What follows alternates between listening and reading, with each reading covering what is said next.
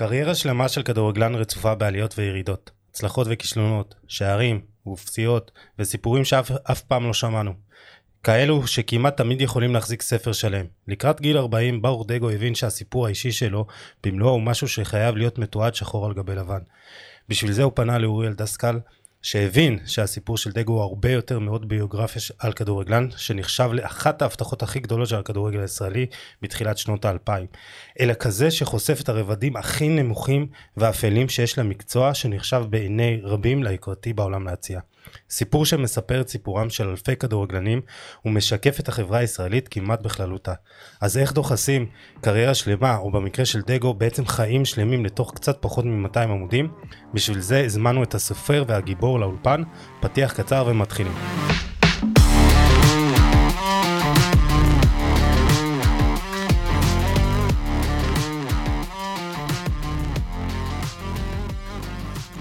ברוכים הבאים לפרק המאה ה-11 של חולה על כדורגל הפודקאסט, אנחנו כאן באולפני פודקאסט סטודיו של עוז נקש בראשון לציון, וכמו שאתם מבינים, אה, אנחנו יותר מנרגשים לארח כאן שני אורחים מאוד מאוד מרתקים, ברוך דגו ואוריאל דסקל בכל יום נתון, כלכליסט, שידברו איתנו על הספר שמספר את חייו והקריירה של אה, ברוך, אז אהלן חברים, מה העניינים? אהלן.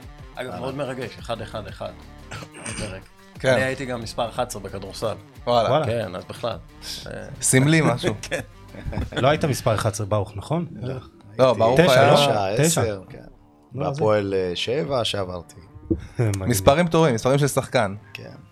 אז עכשיו את האמת, אחת השאלות של... שרצינו לשאול אתכם בהמשך הפרק זה איך באמת הרגשתם כשהחזקתם את הספר ביד אז אה, בוא נגיד ככה שבאו הרגע היום לפני עשר דקות אתה החזקת בפעם הראשונה את הספר וגם סיפרתם שהספר זה תהליך של ארבע שנים אז ככה איך הרגשת? התחושה טריה, טריה כן. מאוד. תן לאוריאל. אתה- אתה אה, הרגשת. אני- האמת, אני פעם ראשונה, כמו שאמרת עכשיו, אה, ככה הרגשתי סוף סוף ככה בידיים שלי את הספר, זה נורא מרגש.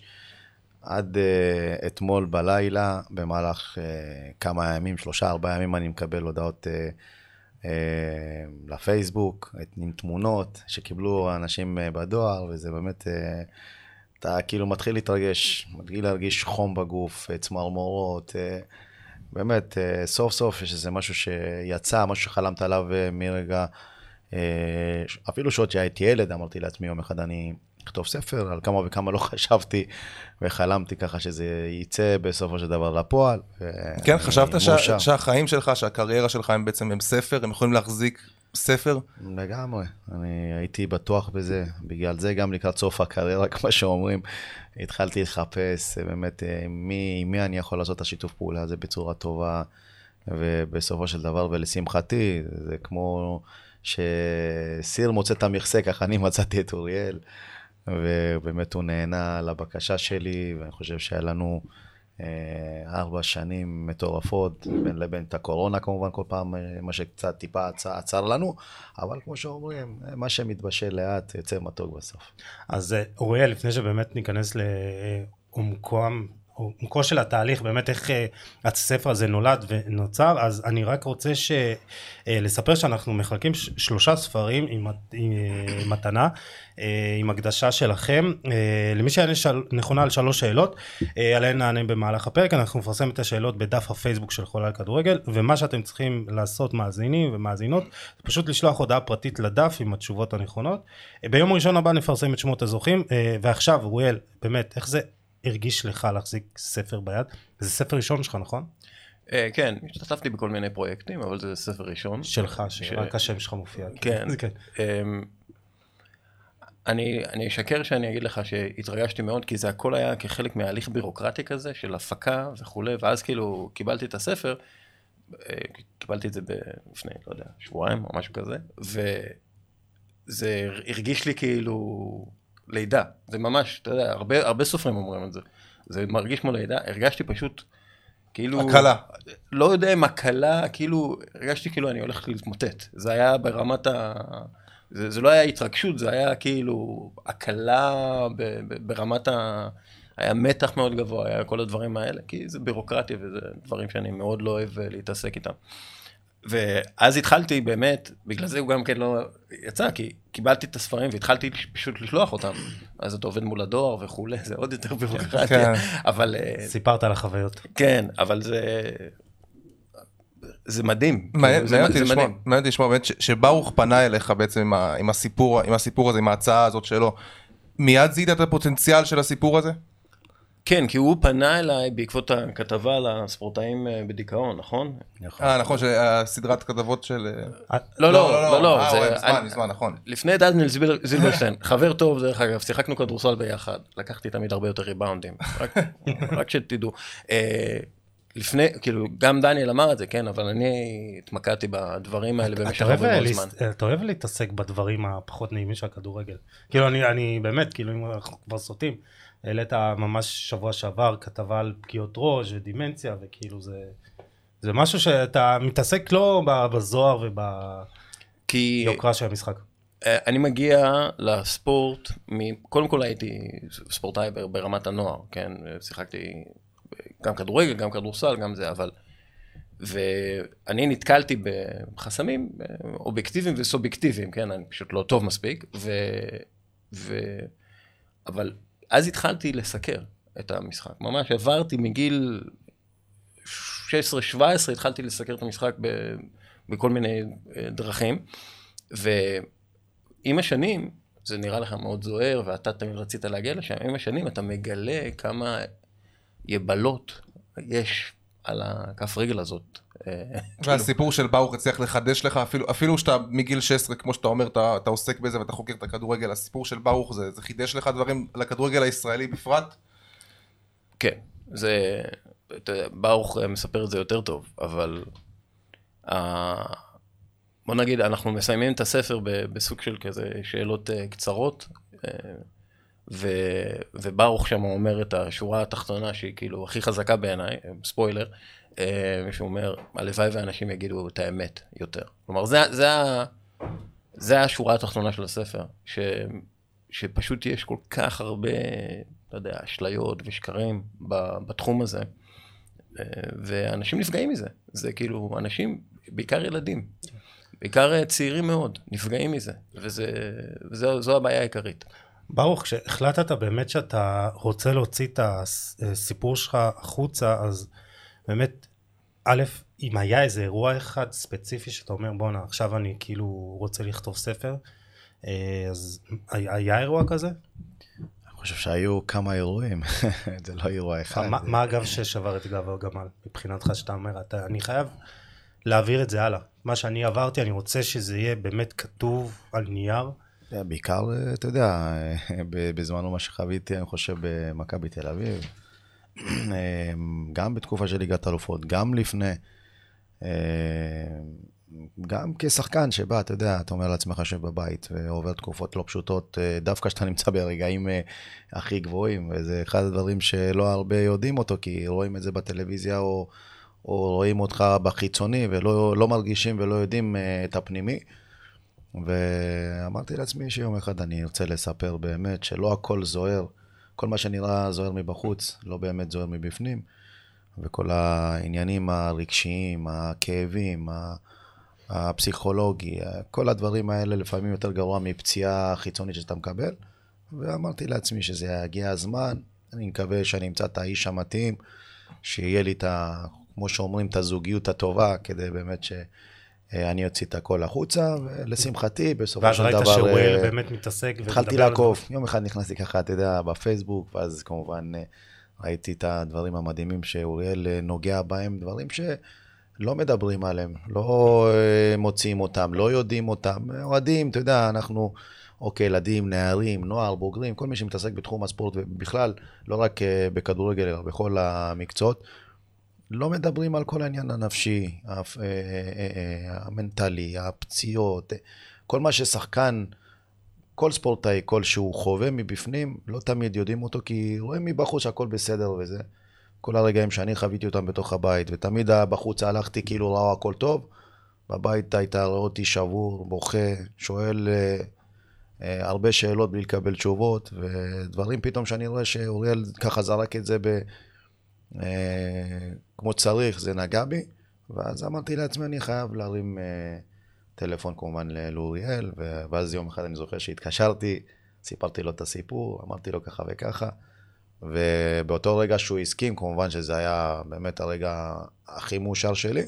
הנה, יש לי פה באמת בן אדם שגם מכיר את העולם הזה, הוא יודע, מבין, הוא חושב שזה יכול להיות טוב, ובאמת עם הרבה פגישות, אה, כמו שאומרים, הבליינדד, ככה שהיה לנו את הזוגיות, המפגש ככה של ה... היה וירטואלי בהתחלה קשר, ואז... אה, לא, לא, זה היה... מיידי, מיידי מיידי, ממש. התיישבנו... לא, זהו, זה מעניין באמת איך- מתחיל התהליך כל הזה של- כתיבת ספר. אגב, לפני, אני, זה, לפני, אין עוד כדורגלן בעולם, ובדקתי, אוקיי? אין עוד כדורגלן בעולם שהוא מוביל את הקבוצה, הוא, השחקן של העונה, מוביל את הקבוצה, שחקן צעיר, כלומר, סוג של שחקן בית, כן? כי הוא הגיע בגיל מאוד צעיר, ו... הייתי בגיל 18 וחצי, כן, שזה... עושה- היום, היום לפי וופא זה שחקן בית, כן? מוביל את הקבוצה לאליפות, ו... וסופג קללות. מה קללות? סופג קללות לא, לא יכול ליהנות ברגע, ב, אה, ב, ב, לא יכול ליהנות לרגע מהשיא האישי שלו. אני זוכר זה, שאני זה, ראיתי זה את זה- מטורף. אני חושב שאני ראיתי את זה, אני עוד הייתי עוד הייתי ילד. מהאוהדים, סופג קללות זהו, מהאוהדים שלו. עוד הייתי ילד, זה היה בתחילת הדרך שלי שהתחלתי בכלל לאהוב כדורגל. אני אומר כאילו, איזה מסכן השחקן הזה שהוא הוא טוב, זאת אומרת, הוא, הוא טוב, הוא מקבל קללות מהקהל שלו, שזה הכי כואב, כאילו, לא תגיד, מה זה טוב? הוא לא, הכי מה- טוב. כן, הוא הכי טוב. טוב בקבוצה. לא תגיד מהקהל של הקבוצה היריבה. זאת אומרת, שזה עוד אפשר לקבל, שזה עוד אפילו יכול, אתה יודע, במקרים מסוימים גם להרים לך, גם כן, כן. לך את הפוש, אבל כשאתה מקבל מה- מה- מהקהל שלך, אני חושב שאין דבר יותר כואב מזה. לגמרי, זה מה ששבר אותי בסופו של דבר, ואז הייתה החלטה של אה, אה, לעבור להפועל תל אביב, שבעצם מכבי מנעה ממני מלעבור, ל, אם זה למכבי חיפה שהיה את ההצעות, אם זה לבית"ר ירושלים, בעצם היה מתאים לה שאני אסיים את העונה, והכי עצוב, שזה בדיוק גם היה אחרי ליגת אלופות, בעצם היה לי הצעות בליגת אלופות אחרי שהפקדתי ארבעה שערים, ואיכשהו הם החזיקו אותי ולא שחררו אותי לאף מקום, ואז סוף העונה, אומרים לך, אה, אחרי שכבר אה, כל הסגלים נסגרו בארץ, במ- במועדונים הגדול, הגדולים, אומרים לך, אתה, אנחנו משחררים אותך ככה וככה, ועכשיו זה לא, זה לא בא ממק... שאתה גם מבין שהמקום הזה שהם כביכול לא רוצים שתישאר במכבי, הוא לא בא ממקום נקי, זה עוד יותר אה, שיגע אותי, עוד יותר כאב לי, כי שלושה ארבעה חודשים לפני זה הרי הייתי בגג העולם, עם ארבעה שערים בליגת אלופות, זה, זה מטורף.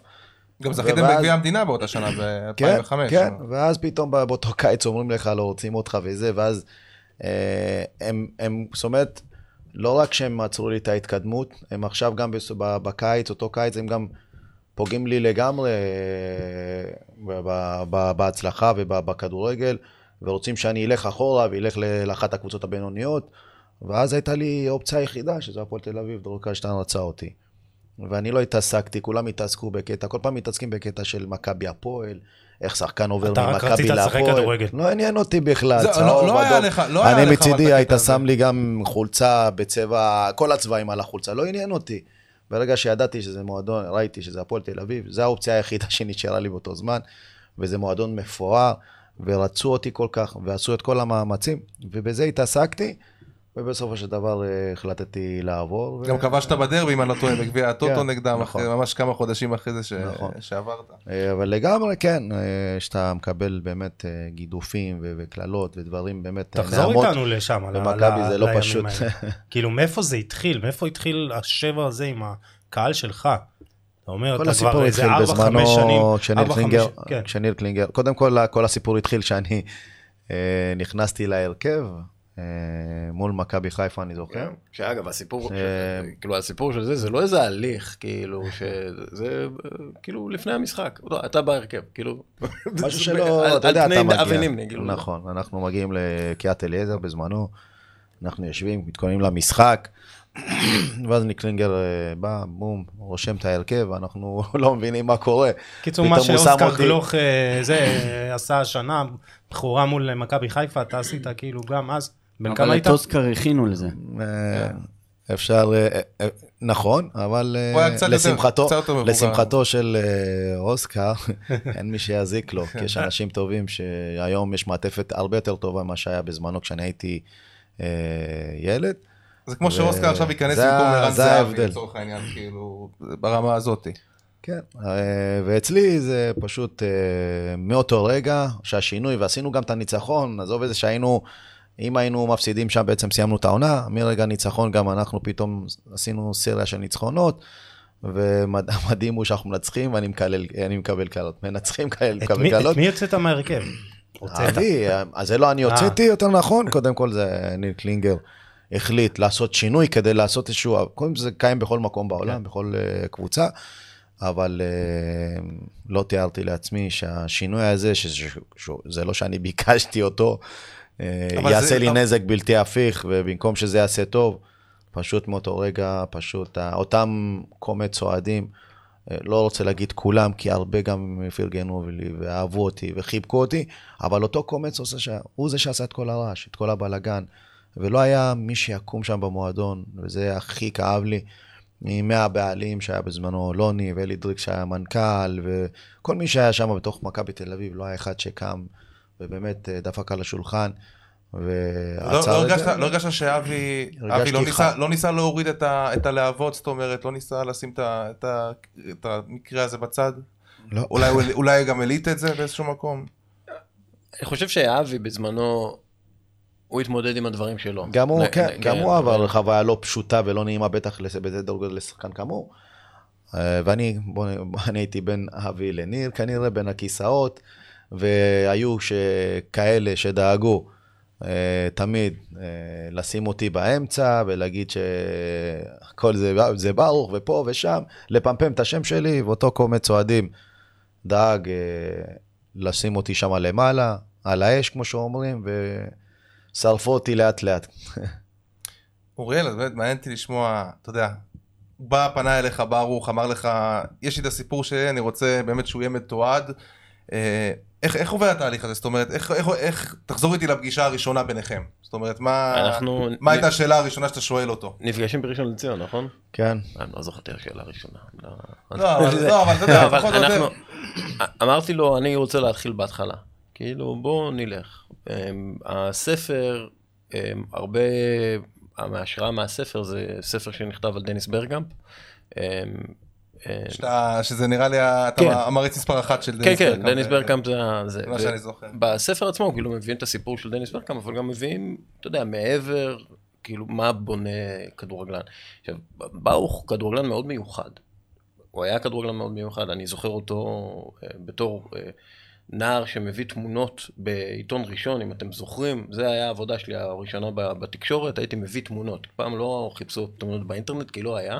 עד כדי כך, אני, אני זקן, והייתי מביא תמונות, ואתה יודע, אני זוכר את ברוך דגו, דיברו עליו אה, כ, כילד מוכשר וכולי. אה, באשדוד, הוא שיחק בעירוני אשדוד. פשוט רציתי לדעת איך ברוך הפך לכדורגלן שהוא. והלכתי ממש ממש להתחלה, כלומר, ל... הוא נתן לי את הזיכרון הראשון שלו מכדורגל, שהוא, עם, אה, שהוא על אבא שלו, על הכתפיים של אבא שלו, ורואה כדורגל באתיופיה. אה, משחק של הצבא, נכון? כן. אה, ו, ומשם התקדמנו. אני ניסיתי לעשות את זה כרונולוגיה, אבל מן הסתם גם נכנסנו. עכשיו, תראה, זה, כל פגישה הייתה בין שעתיים לארבע שעות. היו הרבה פגישות. המון. ואתה יודע, אתה מקליט הכל, אתה כותב, אתה נותן את ההערות, אתה לוקח את זה למקומות שאתה אה, רוצה. המון המון, המון מלל. איך אתה לוקח את זה מביוגרפיה לסיפור? הסיפור, אתה יודע, אתה נותן לסיפור את הבמה. הסיפור מספר את הסיפור. לא, זהו, אתה כן. אמרת, אמרת, אמרת גם שאתה לא רוצה שזה יהיה, אתה יודע, עוד ביוגרפיה של שחקן, שאתה רוצה שזה באמת יחשוף את, ה, את המקומות האלה של, הכ- של הכדורגל הישראלי, אז- שישקף איזושהי אז דוגמה כאילו, לה- אני. אני, ניסי, אני ניסיתי לה- להבין, אה, אני חוזר להתחלה, אני ניסיתי להבין איך, בא, למה ברוך היה כל כך טוב. כאילו, למה הוא מכדרר כל כך טוב? למה יש לו שליטה כזאת בכדור? ואתה מגלה שהאיש שיחק בתור ילד, שיחק שעות על גבי שעות על, אה, על חול, חול, עם, אה, עם כדורים שעשויים מגומי, ולא היו כדורים אמיתיים וכאלה. והוא שיפר את היכולת שלו, ה- הקוגניטיבית להשתלט על כדור. וכשאם אתה מסתכל על שחקנים אה, גדולים אחרים, אה, מכדררים גדולים אחרים, הם עברו הליך דומה במקום. אחר, מן הסתם, בברזילאים. ויש מדע מאחורי זה. יש כאילו, יש פרופסורים שבדקו את זה, אז אני מביא את כאילו הפרופסורים. הכף האלה. רגל שלך מתעצבת כאילו...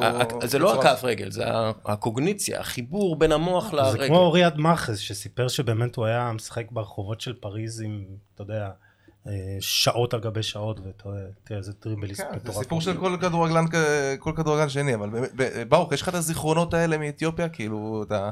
זה זה משהו ש- שחקוק אצלך כאילו עד היום? חקוק, לא יוצא, אתה יודע, זה משהו שהוא... ת- תכניס כל תכניס לנו. באמת לזה, איך- איך זה נראה, איך זה נראה, הרבה אנשים כאילו חושבים איך זה באמת נראה, אתה יודע, אתיופיה זה, אנחנו רואים פה באמת קהילה אתיופית ענקית, אבל אין לנו מושג באמת מה מה הם עברו, האנשים שבאו משם. זאת אומרת, כל אחד עבר בדרכו, אה, ברור. חיים אה, לא פשוטים, אבל אה, אתה כילד לא, לא מבין אה, את הקושי שההורים שלך עוברים, או, ואת החוויות הלא פשוטות. אני כילד תמיד אה, השתדלתי ליהנות ולחוות את כן, הדברים ו- ואבא שלו עבר חוויות, כאילו. כן, יותר אה, זה, ואני כילד כמובן תמיד הייתי עסוק בלשחק כדורגל בשכונה, אם זה ב... באספלט, באבנים, בכורכר, כל מקום שהיה לנו בזמנו לגדול. היום כבר אתיופיה שונה לגמרי מבחינת הכל, אבל מתי היית שם? היית שם- פעם בשנות האחרונה? היית שם לאחרונה? באתיופיה? לפני, וואו, המון שנים. הייתי שם בדיוק בתקופות של המשבר שלי, שזה נכנס לספר גם. שזה הנסיעה. לאתיופיה, כן. לגמרי, הייתי צריך להתנתק קצת, טסתי עם אמא שלי, וזה באמת היה רגע מאוד מאוד משמעותי, שחזרתי קצת ככה נקי יותר, אולי זו התקופה באמת שהנסיעה הזאת בעצם התחילה ל... לרפות אותי לאט לאט. באיזה ו- שלב, באיזה שלב זה זה הייתה הייתה הנסיעה הזאת? כאילו אחרי... במשבר, בתקופה של המשבר שלי. אה, גם, זאת אומרת, הייתה תקופה שלא דיברתי כל כך עם אבא שלי כמה שנים, וחושב שאתה יודע, שאתה מכניס את כל הרגעים שאני חווה, גם מבחינת הכדורגל, גם מבחינה שלא לדבר עם אבא, אה, שלא הקשבתי לו בכמה דברים מסוימים, וזה דברים באמת אה, חשובים לי שיהיה בספר, כי זה מאוד מאוד חשוב ומאוד משמעותי לילדים, לנערים, נוער, ש... שגודלים ומתפתחים, שעשו את, התד... את, הת... את הדברים, את התהליך בצורה נכונה, כדי שהם יתפתחו ויהיו שחקנים טובים. וזה היה חשוב לי להוציא את כל הדברים האלה בחוץ. תספרו לי על, ה, על הקשר הזה בין מחבר ספר לבין הגיבור. אוריאל, אתה, איך אתה מתפקד? אתה מתפקד כמכשיר הקלטה, כמו שאמרת, פסיכולוג, חבר, כאילו, איך, מה, מה, לפני שהוא... במאי כזה? לפני שהוא עונה לך, אני פעם ראשונה אולי אומר את זה, אני לגמרי, זה היה כאילו כמו זוגיות כזאת, ככה מקליק ראשון, אבל הוא היה גם, אה, איפשהו ראיתי אותו כאילו, כמו פסיכולוג שלי. פשוט פתחתי הכל, נהנית, הוצאתי- נהנית מהתהליך הזה. מה זה נהניתי? הוצאתי הרבה דברים כואבים שלא כן. חשבתי שאני אוציא אותם, וזה לגמרי, וגם אתה צריך לפתוח בבן אדם, להרגיש איתו הכי פתוח, וזה לא כל כך פשוט, ובטח, הרגשת עם שאתה- הפסיכולוג, אה, לא, לא יכולתי להוציא את זה. הרגשת שאתה אם הייתי- 100% כ- פתוח איתו? הרגשתי 200 אחוז, אני פשוט הוצאתי הכל, שפכתי את כל מה שהיה לי, ואני חוזר, אני זוכר שהיינו יושבים, וגם הייתי דומע, והייתי בוכה, ופשוט היה כאילו איזה כמה, כמה טונות ככה של, של אה, דברים כואבים שהוצאתי החוצה, והרגשתי לגמרי, בנוסף לו, כבר הפכנו להיות חברים, אה, אה, באמת בני זוג, איך ש- שתקראו לזה, ו- וגם פסיכולוג, ש... ש...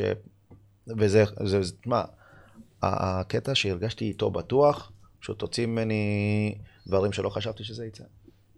איך זה מהצד שלך? זה, קודם כל יש, זה הליך שונה לחלוטין, לכתוב אה, ראיון ולכתוב ספר. אה, קודם כל, העובדה שאתה נפגש איתו הרבה פעמים, אז אתה באמת מצליח לייצר איזשהו רצף אה, סיפורי ואתה מצליח להבין יותר טוב את האדם. זה לא שאתה מדבר איתו וכותב אה, וזה מתפרסם בעיתון יום למחרת. זה ממש אה, הליך. וזה הליך של אה, שיחה ושאלות, אה, אתה יודע, שצריך כאילו לשאול ב... כדי להבין יותר לעומק את הדברים.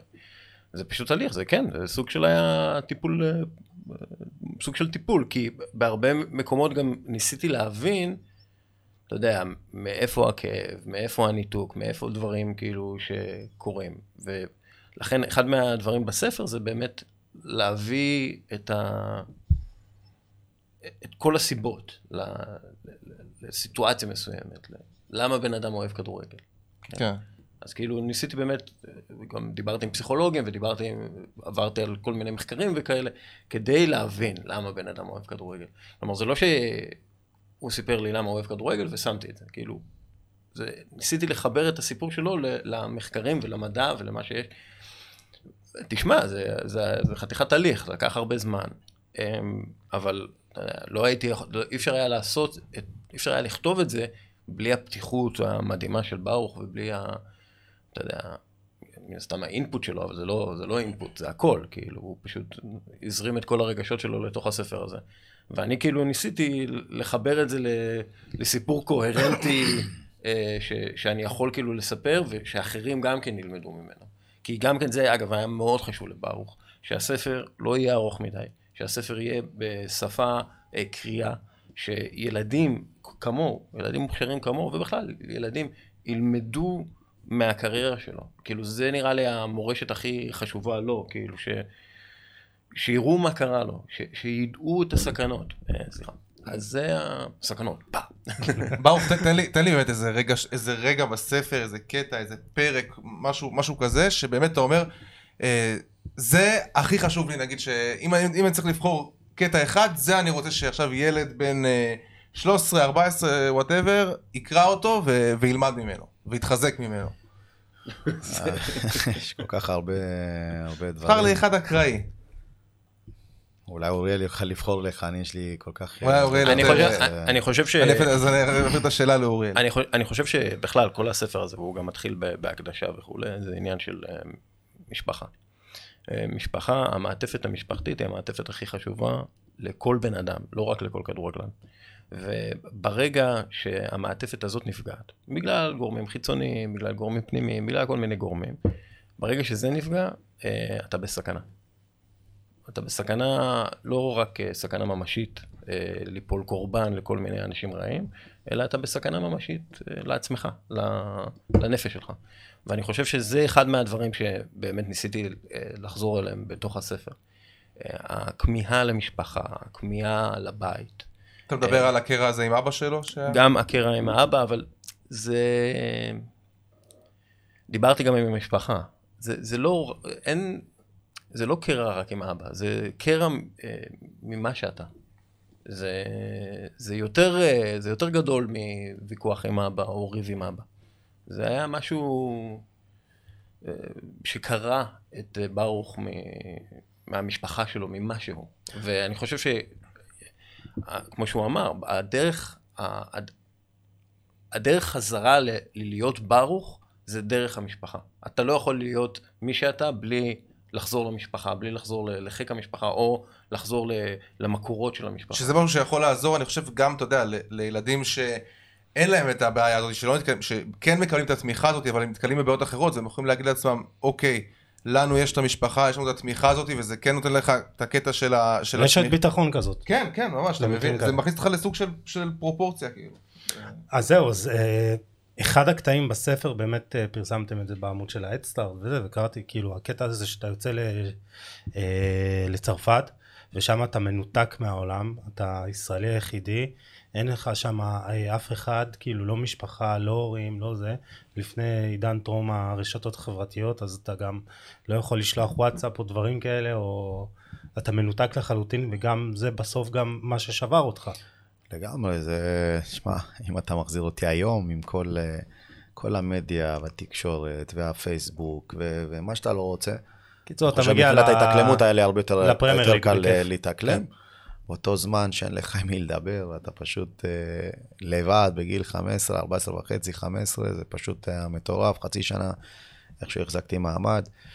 כבר אה, לצערי, אה, לצערי באמת, כי אני חושב שהייתי במקום אחר, ואולי היינו מספרים סיפור אחר כנראה, אבל אה, לגמרי, כן.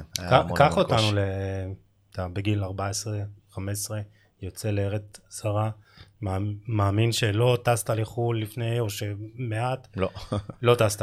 לא, הוא טס מאתיופיה לישראל. כאילו, כן. שעליתי לארץ, אבל חוץ מזה לא טסתי לאף אה, מקום אחר. איך זה להיות שם? אה, מטורף, אתה רואה עולם אחר לגמרי. אתה, אתה, ואני מדבר איתך עד, לי- על, עד גיל 14-15, שהיום אני, ברוך השם, בן 40, אז מה קורה היום? זאת אומרת, אה, זה עולם אחר, אתה אומר, מבחינת מטורף, משאבים, אתה מאמנים פשוט והכל. אה, ישן שם, אתה לומד שם, אתה מתאמן שם. פנימייה כזה, שיש לך הכל, אה, את כל המעטפת. אתה אומר לעצמך, תשמע, עכשיו אתה מבין למה השחקנים האלה בגיל 18, הם באמת אה, טסים אה, בבוגרים בכל ליגה, בכל ליגה גדולה באירופה. אבל אתה אומר שבכל הם זאת, חיים. אתה אומר שבכל זאת הקושי, הקושי הגדול יותר היה הקושי המנטלי ולא הקושי המקצועי. לגמרי, הקושי המנטלי לגמרי, זה מה ששבר אותי, אם לא הייתי לגמרי במקום אחר. והרגשת גם שאתה חוזר לארץ וגם לא מבינים אותך, כלומר, ת- לא מבינים למה עלית במשקל ו- ולא היית בכושר, וכאילו אמר, ומי היה שם המאמן? לא, לא, זה לא... זה, זה שלב יותר מאוחר. זה שלב יותר מאוחר, כן, אבל כאילו זה, זה נראה שבסוף אנחנו חוזרים לאותה נקודה של אנשים לא מבינים אותך, מה שעובר עליך, גם מבחינה גופנית, גם מבחינת כל הפציעות שהיו לך, גם מבחינת uh, הנפש, ונראה לי זה מה שאולי אחד המסרים המאוד משמעותיים בספר. אני חושב שאני יכול לומר היום, אני מסתכל אחורה, שקרה לי המון המון אה, ניסים ונפלאות, כמו שאומרים. אתה יודע, כל אחד עם האמונה שלו במה שהוא מאמין. לי קרה נס. אני חושב שהיום, אם אנחנו מסתכלים, אתה שומע המון סיפורים על בן אדם שפתאום יש לו הכל. אדם יש לו הכל מהכל, פתאום יום אחד חלילה לא נדע, פתאום אתה רואה, שומע שהוא התאבד. אתה לא מבין, כי אתה, אתה מסתכל, אתה רואה רק את החיצונית שלו, אתה לא, אתה, לא, אתה לא מבין ולא מכיר ולא יודע מה הוא חווה מבפנים, מה הבן אדם הזה עובר יום-יום, איזה דברים, איזה קושי, וזה מה שעברתי בחיצוני. כולם יודעים שאני משחק, אה, מצליח, או הפציעות שעברתי. אה, וכל הדברים האלה, שלא לא אותם החוצה, הייתי מבחינתי יוצא החוצה, פשוט מחייך, צוחק, אף אחד לא יודע מה אני עובר.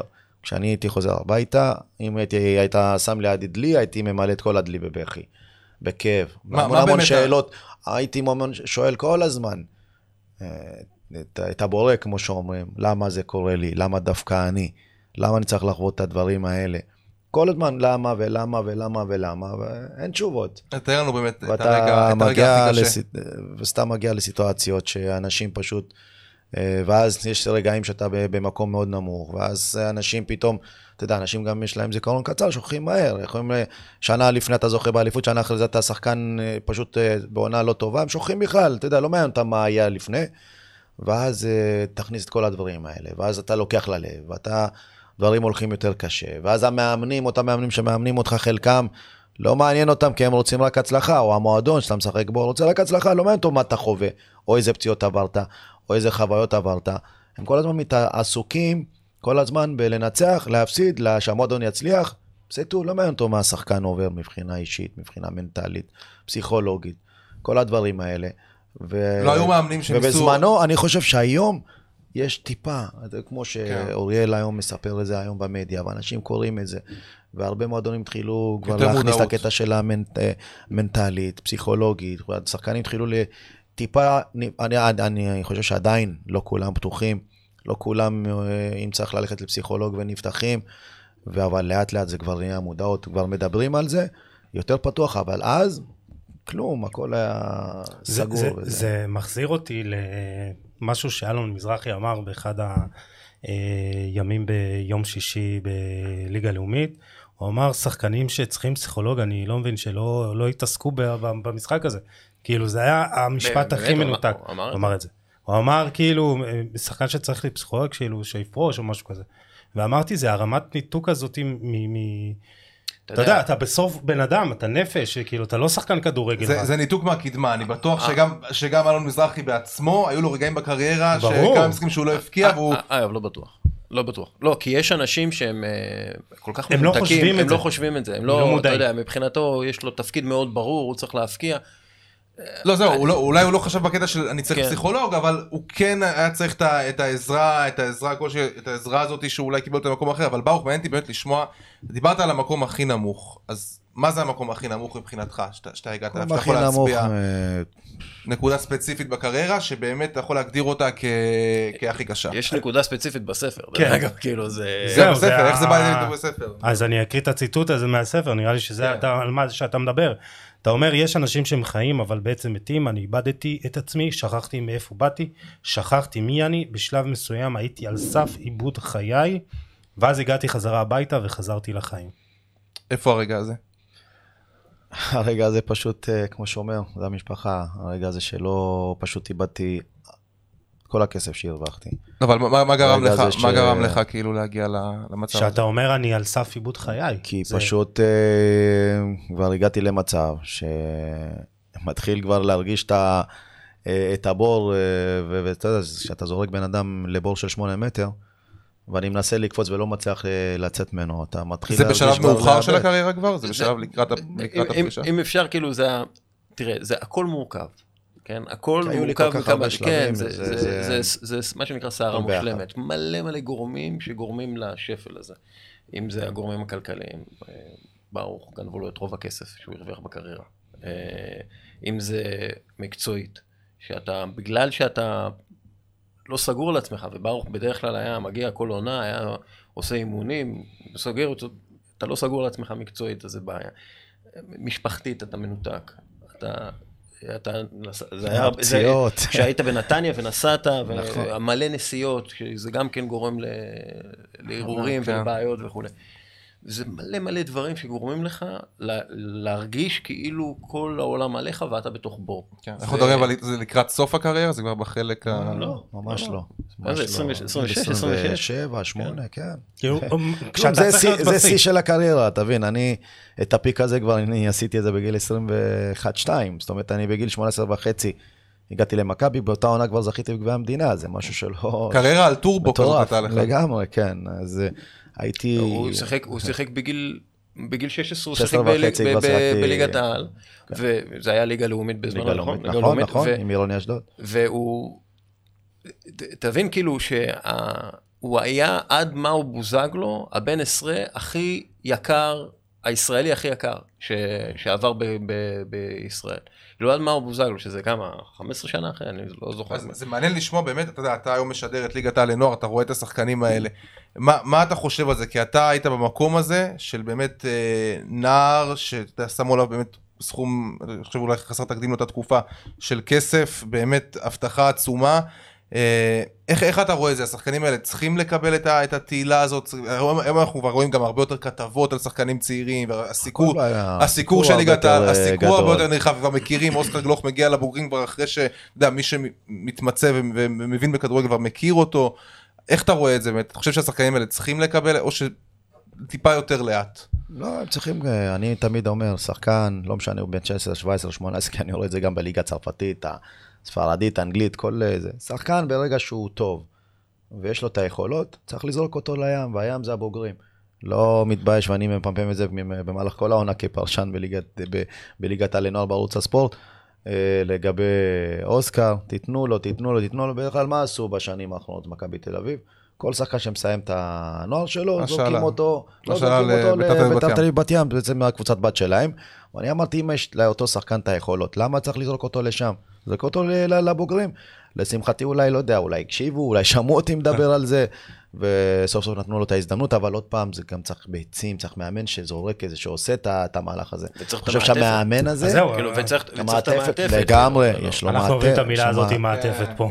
יש פה במכבי היום, זה, זה אופרה אחרת, אם אתה מחזיר את הגלגל, אם היה לי את המעטפת שיש היום במכבי, כאילו אף אחד לא היה נוגע בי. 18, תבין, זרק- זרקו אותך בגיל אוהדים- 18 בלי חליפת הצלה, בלי כלום, כאילו, לגמרי, איך את, תסתדר? ה- את החוויות שחוויתי בזמנו, את כל הנעמות, הקללות, שאוהדים היו מגיעים כל, לקריית שלום, אימון, אימון. על הגדרות, אימון, אימון, הייתי, הייתי עובר קללות של החיים. היום אין את זה במכבי, היום יש שם שער כן. סגור, יש הפרדה בין אוהדים לבוגרים, אף אחד לא מתקרב. פשוט, אם תחזיר את זה אחורה, אם הייתה עושה, את- אם היו מכבי היו עושים את אותו דבר, זה הרבה אנשים שאומרים שזה המהלך הכי טוב של גולדהר, הקטע של לנתק את התקשורת ואת הקהל מהאימונים. כשגולדהר אה, הגיע, אני זוכר, פשוט למד. למד, ראה... לקח לו שנתיים. פשוט התחיל, נכון. נכון, וזה, תשמע, ככה זה אנשי עסקים כמוהו, כנראה צריכים זמן, במיוחד בכדורגל הישראלי צריך... אה, אה, מנטליות שונה לגמרי ממה שהוא מכיר מנטליות אחרת וזה, הוא למד. לאט לאט, הוא ראה את הדברים הטובים שיש במכבי, הוא ראה את, ה, את החולי שיש במכבי, ולאט לאט הוא ניקה את האנשים הפחות טובים, אנשים שהורסים ופגעו במכבי תל אביב, ופתאום אחרי שנתיים, שלוש, בום, מאז אתה רואה איפה מכבי נמצאת. אז אתה אומר שזרקו אותך למים בגיל 18 ככה, לבוגרים, ואולי מבחוץ, דרך אגב, האומץ, שלך... שהיה בזמנו, בשנים שאני שיחקתי למא- למאמנים, הוא היה הרבה יותר גדול מאשר עכשיו. היום אה, מאמנים אה, מפחדים קצת. מפחדים כן. קצת, כי הם מפחדים לזרוק שחקן צעיר, אומרים לעצמם, לא, אני גם רוצה לשמור על המקום שלי כמאמן בכדורגל הישראלי, ואין להם את הביטחון הזה מלמעלה, מהבעלים של קבוצה, ואז הם הולכים על בטוח, אם זה להביא זר פחות טוב, אבל הוא זר, אז צריך להביא לו לשחק. במקום מי? כן. במקום השחקן בן 18 או 19 שהוא תשמע, כן יכול ש- לשחק. בתקופה שלך היו היו יותר, אין מה לעשות, היו יותר אוטוריטות, כאילו היה לך אה, דרוקה ב- שטן, דרך אלי כהן השרי. בתקופה שלי, היו אה, זרים אפילו הרבה יותר טובים. כן? כי בתקופה שלי היו מגיעים זרים ממזרח נכון, אירופה. נכון. היום שחקנים ממזרח אירופה, רובם כבר נשארים שם, הולכים לגרמניה, בלגיה וזה. אז הם היו, הם מגיעים אלינו. לא היום, היום כמעט ולא מגיעים. רוב השחקנים שמגיעים זה אפריקה, דרום אמריקה, ושחקנים אולי דרג אה, 10. כן. בתקופות שלי, מה, כל הרכב, מכבי חיפה, תסתכל אחורה בשנים שלי, שיחקו ג'וב- ג'ובאני, פרליה, ג'וטאוטס, אה, יעקובו, כן. משהו מטורף. אצלנו היה לנו ברונו רייס, רודריגו גולדברג, שחקנים ברמות האלה כמעט ולא מגיעים היום. אמרתם לעצמכם. הם קבוצה יותר טובה מאיתנו אז, או שהרגשתם, כאילו, כי מכבי חיפה הייתה באמת מפלצת. זה היה ראש בראש, היינו נכון. ראש בראש. אני האמנתי שאנחנו יותר טובים, הם האמינו שהם יותר טובים. וזה היה אנחנו והם, וכמובן גם עם הפועל תל אביב, שהיו גם שב- שביתר היו טובים. קבוצה, ביתר אותו דבר. היה בית"ר לך- קצת- אחרי זה. כן, כן, אבל היה לך top 4, כאילו, היה לך היה top 4, כאילו... באמת אה. מבחינת זרים, ועם כל זה עדיין נתנו לשחקנים צעירים לשחק.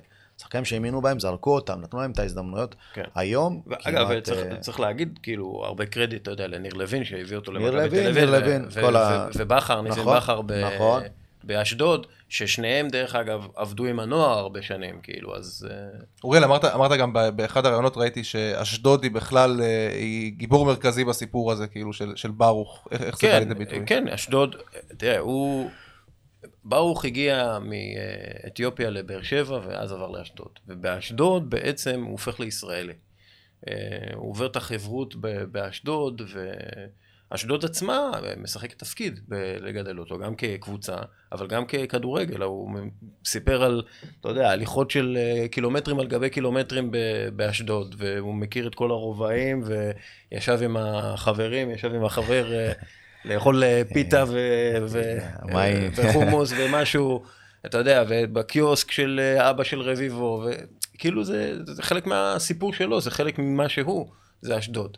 אז, אני- ודרך אגב, זה שהוא, יש איזשהו מקום, וזה לא נכנס לספר, כי זה כבר קרה אחרי, אה, הוא חוזר להיות המנהל, היושב ראש של, של הקבוצה שבעצם גילתה אותו, או, או, או יצרה אותה ברוך דקוף. יש פה איזה אה, סגירת מעגל מדהימה בעיניי. כלומר, עם כל הסיפור הקשה, בסופו של דבר זה, זה, זה מאוד אופטימי. זה, הניצחון האישי שלך, אפשר להגיד.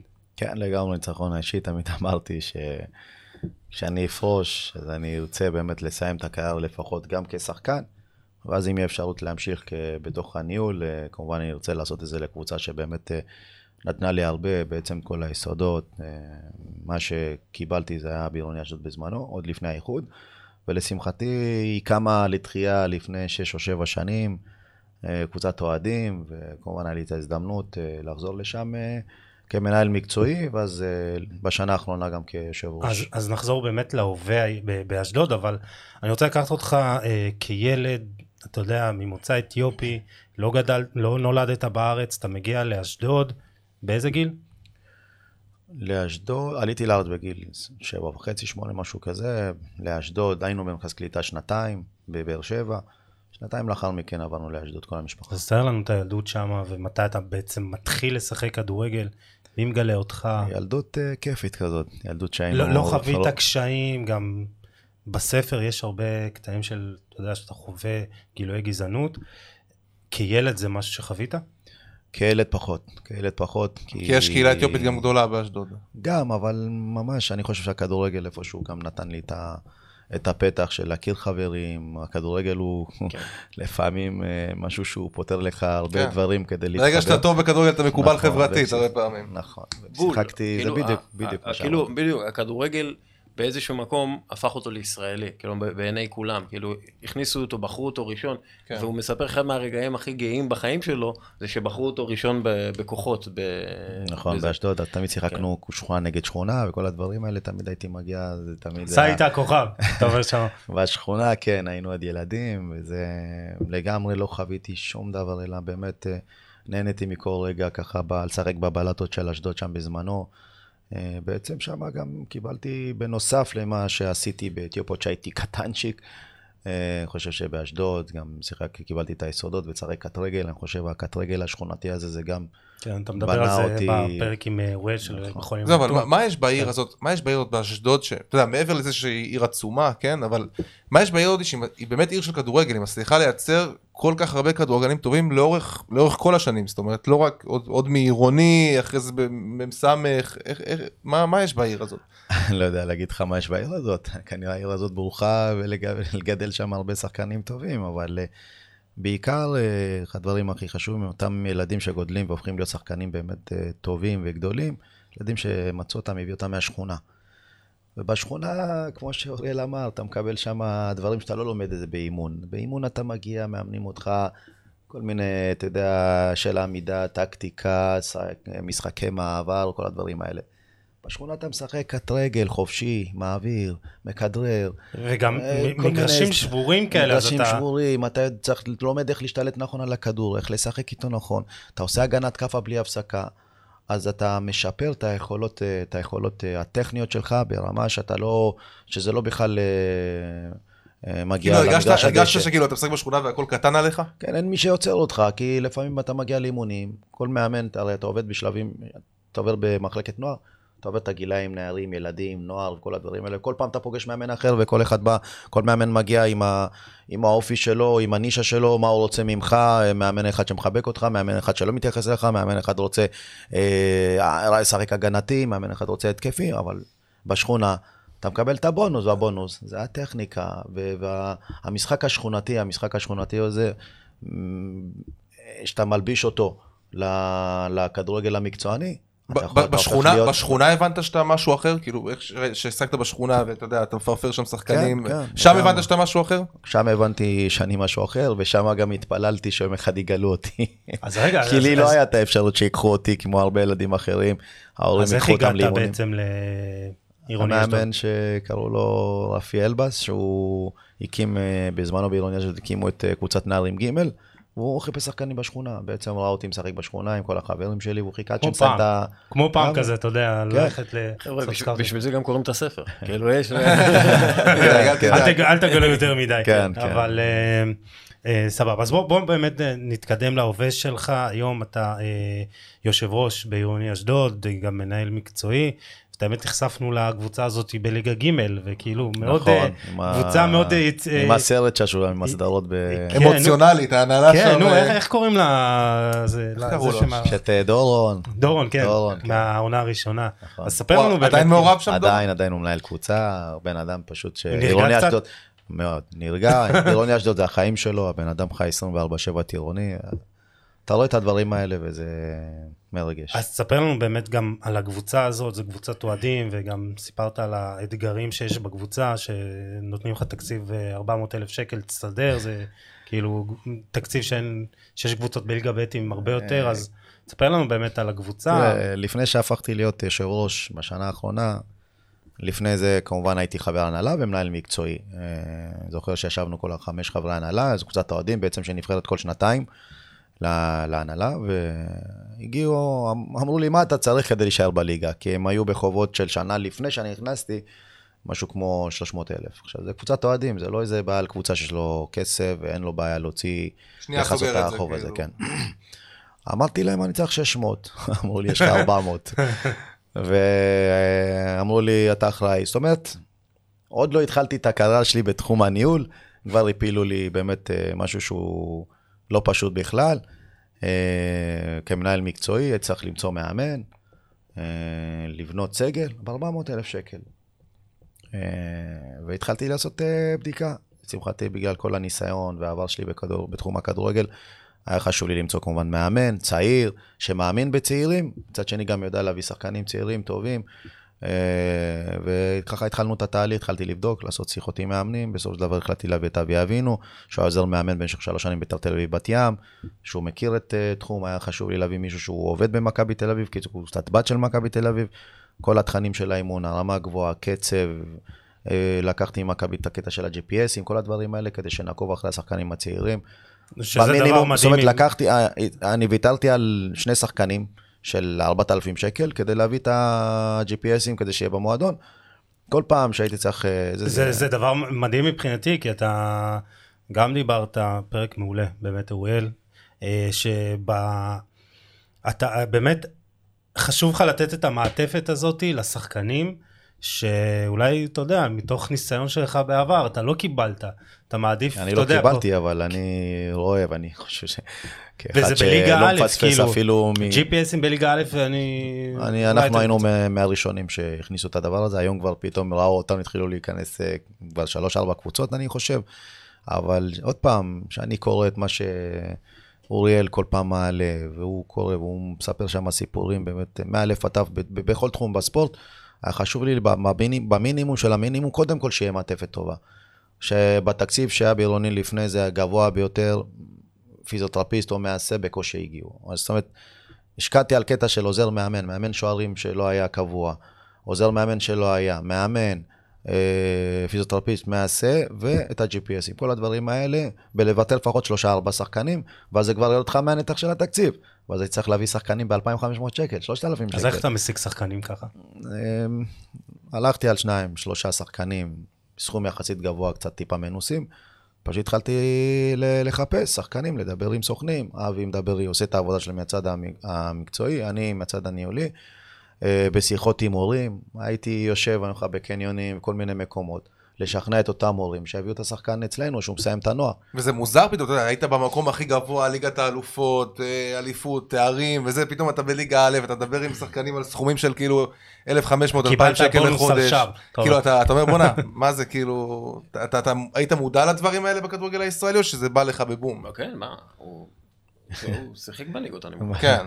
כאילו, נכון, שחקת קצת בליגות הנמוכות, אבל כאילו גם כשהגעת שם קיבלת איזשהו בום כזה של... אה, אגב, זה חלק- זה- אגב, זה כן. חלק מהספר, כאילו, חלק- כן. חלק מהספר, לא, חלק מהספר זה האיש הזה, כן, שהיה באמת בפסגות הכי גבוהות של כדורגלן ישראלי, כן, הוא פתאום נוחת, משחק ב... אתה יודע, בליגה אזורית, כאילו, כן. אתה יודע, זה... זה גם חתיכת זה קטע. חתיכת אה, קטע, ושם, אתה יודע, איכשהו לאט לאט, ופושטים את הרגל, ואין תשלומים, וזה גם כן חלק מהסיפור של הכדורגל הישראלי, הדברים האלה. אז הוא הוא חווה הכל, אין- אין משהו שהוא לא חווה. אתה מבין, היה כאילו. תקופה, אני זוכר שהילדה שלי, הבכורה נולדה, ולא היה לי שום מצות, הייתי יושב בבית. הוא אומר לי לאשתי, איפה אני הולך לשחק כדורגל? אתה מדבר עם זה, הוא לא רוצה אותך, אתה מדבר עם ההוא, לא רוצה אותך.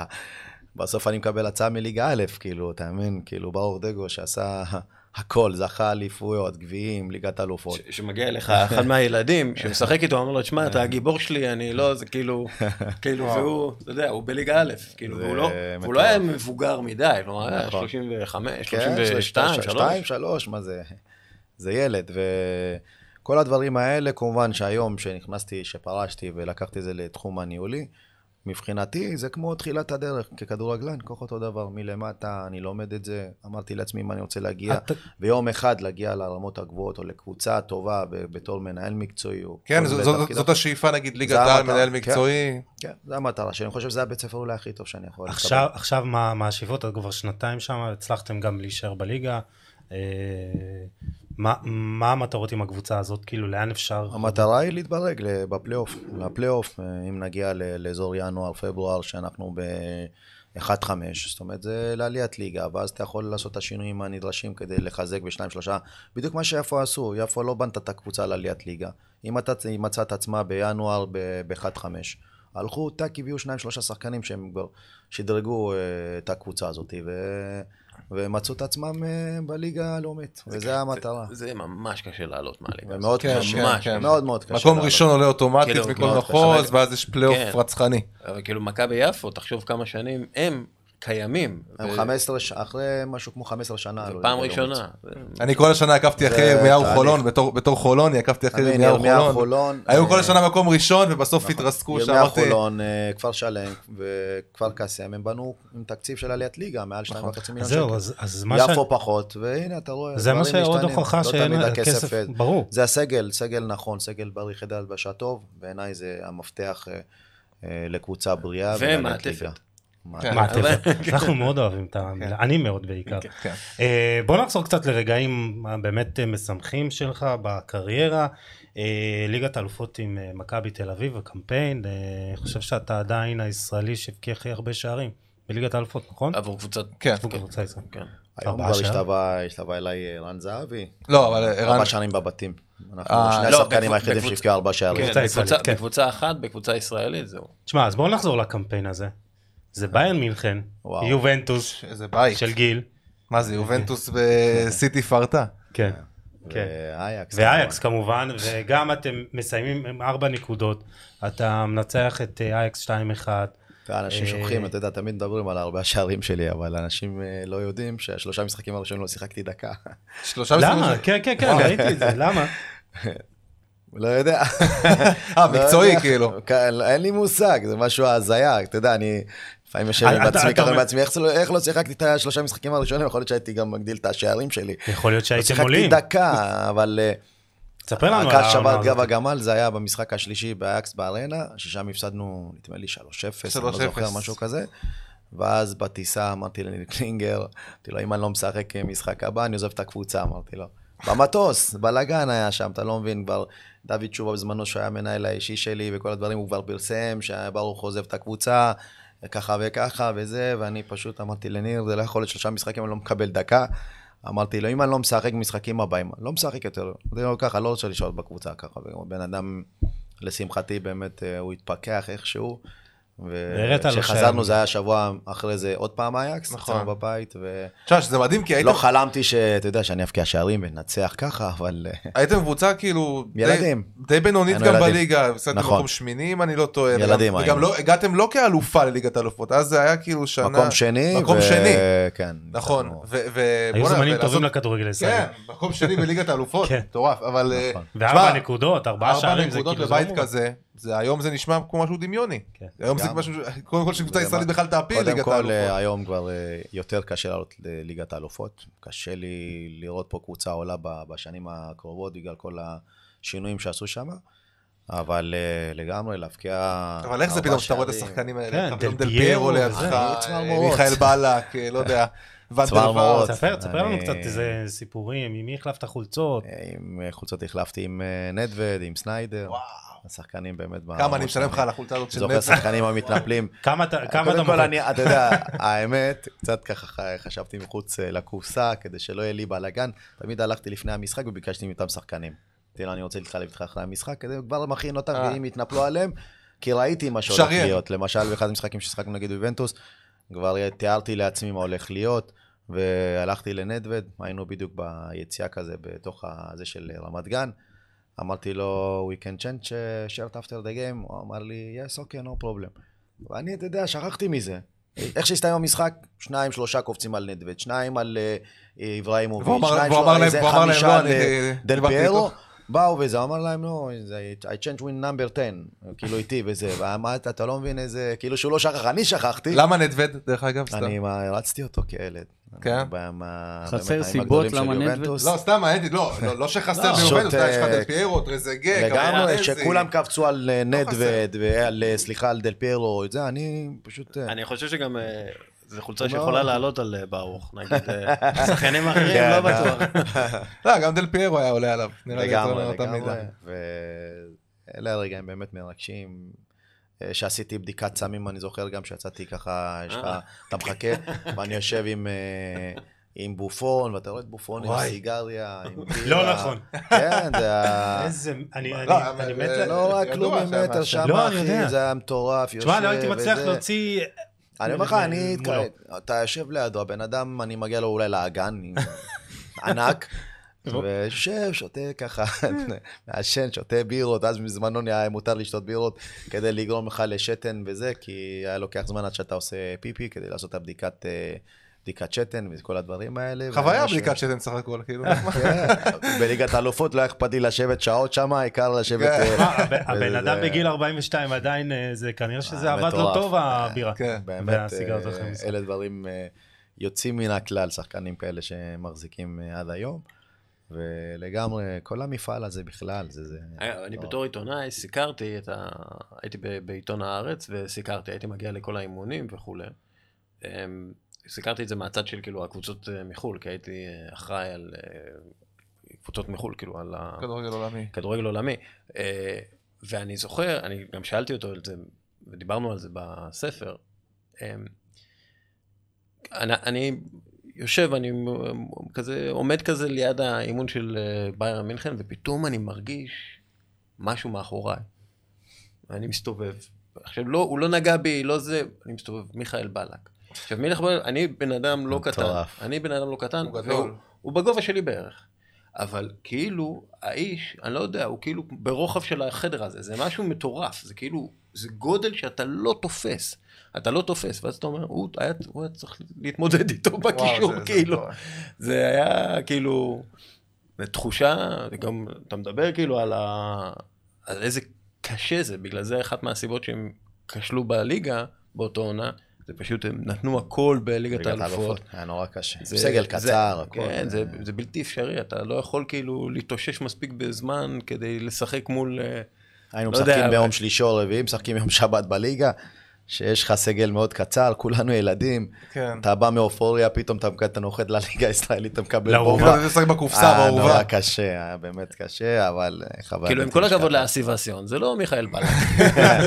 הסיבלדות, כן. כן. אבל אה, תשמע, מה, אתה- אתה- איך- איך איך זה מרגיש לשחק- בפן המקצועי ליד שחקנים כאלה? אתה מרגיש שזה בפיזיות, בעוצמות, ב- בקצב? בעוצמות אתה מרגיש כבר ובקצב. שאתה נהיה יותר עייף בשלב יותר מוקדם? בקצב ובעוצמות, לגמרי. מה, תשמע, אתה אתה מוציא, אם למרות אתה שלא, מוציא... למרות שלא נדרסתם, זאת אומרת, חוץ מ... היה כאילו 5-1 לביירן, אם אני לא טועה, ושם, בבית, ו-3-0 כן. הביא אותנו- לאקס. הביא אותנו לשם במינוס שמונה או תשע מעלות, שמע, מחצית, עוד שנייה הפכתי ללבן, כמו שאומרים. אתה, משהו מטורף הכל שחוויתי, ס- ספר על שמתי. וזלין על האוזניים, על הכפות רגליים, לא עזר לי כלום, מחצית אנחנו יושבים עם דלי, מים רותחים, כל אחד שם שם בתוך את ה... אז מזל נגמר רק חמש, אתה אומר. מה זה מזל, יצאנו בנס חמש אחת, אבל אה, תשמע, העוצמות, זה מטורף. היום אתה רואה את ליגת האלופות. כבש. פנדל מול אה, אוליבר קאן, שזה גם כן. אה, חתיכת הישג, תחשוב על זה. זה כאילו שני, שני אנשים עומדים בשער, הגודל שהוא היה הרוחב הזה שלו. שמע, נגד, אה, שיחקת מול שני השוערים בין הגדולים בהיסטוריה. נכון. אוליבר קאן. של אותה תקופה זה היה, כן, של התקופה הם היו. שניהם, אה, שניהם top שלוש בעיניי בעולם. אגב, מה, כאילו אם אנחנו מדברים. תחשוב על top 10 אה, top 10 אה, שוערים, וואלה, זה- הם שמה. כן, כן, לגמרי. כבשת מולה. כן, לגמרי, באמת, אה, ליגת האלופות זה... אבל הגול הממזרי, הגול הממזרי מול אייקס זה זה היה כאילו כן, רגע... כן. זה רגע השיא, מה מה רגע השיא שלך? בקריירה.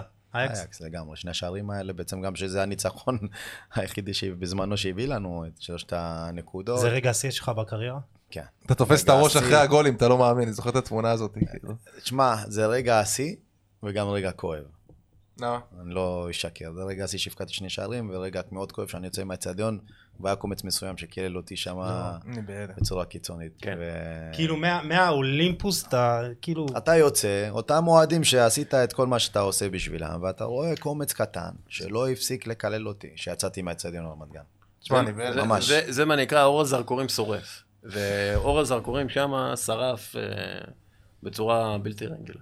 שזה אגב, שזה הטרגדיה, כאילו, האיש בשיאו, ובשיא הוא בשפל. וזה הצליח, וזה הוריד אותך כאילו, שאתה יורד, שאתה בעצם שומר. ברור, מה זה? אפילו שאתה, אפילו שאתה אחרי צמד נגד אייקס, במקום שתהנה מהחוויה של החד פעמית הזאת של אולי פעם, פעם ב- ב- בק- בקריירה, מה שחוויתי באותו רגע, וגם פעם ב... אולי... פעם בקריירה אתה חווה גם... פעם כ- בהיסטוריה לא- של כדורגל ישראלי. כן, כאילו. אתה חווה כאב כזה, וזה... ותגיד, ובכל הסיפור הזה שאנחנו מדברים עכשיו על ליגת האלופות והאליפות וזה, איפה, איפה הנבחרת נכנסת פה, כאילו? למה הנבחרת לא...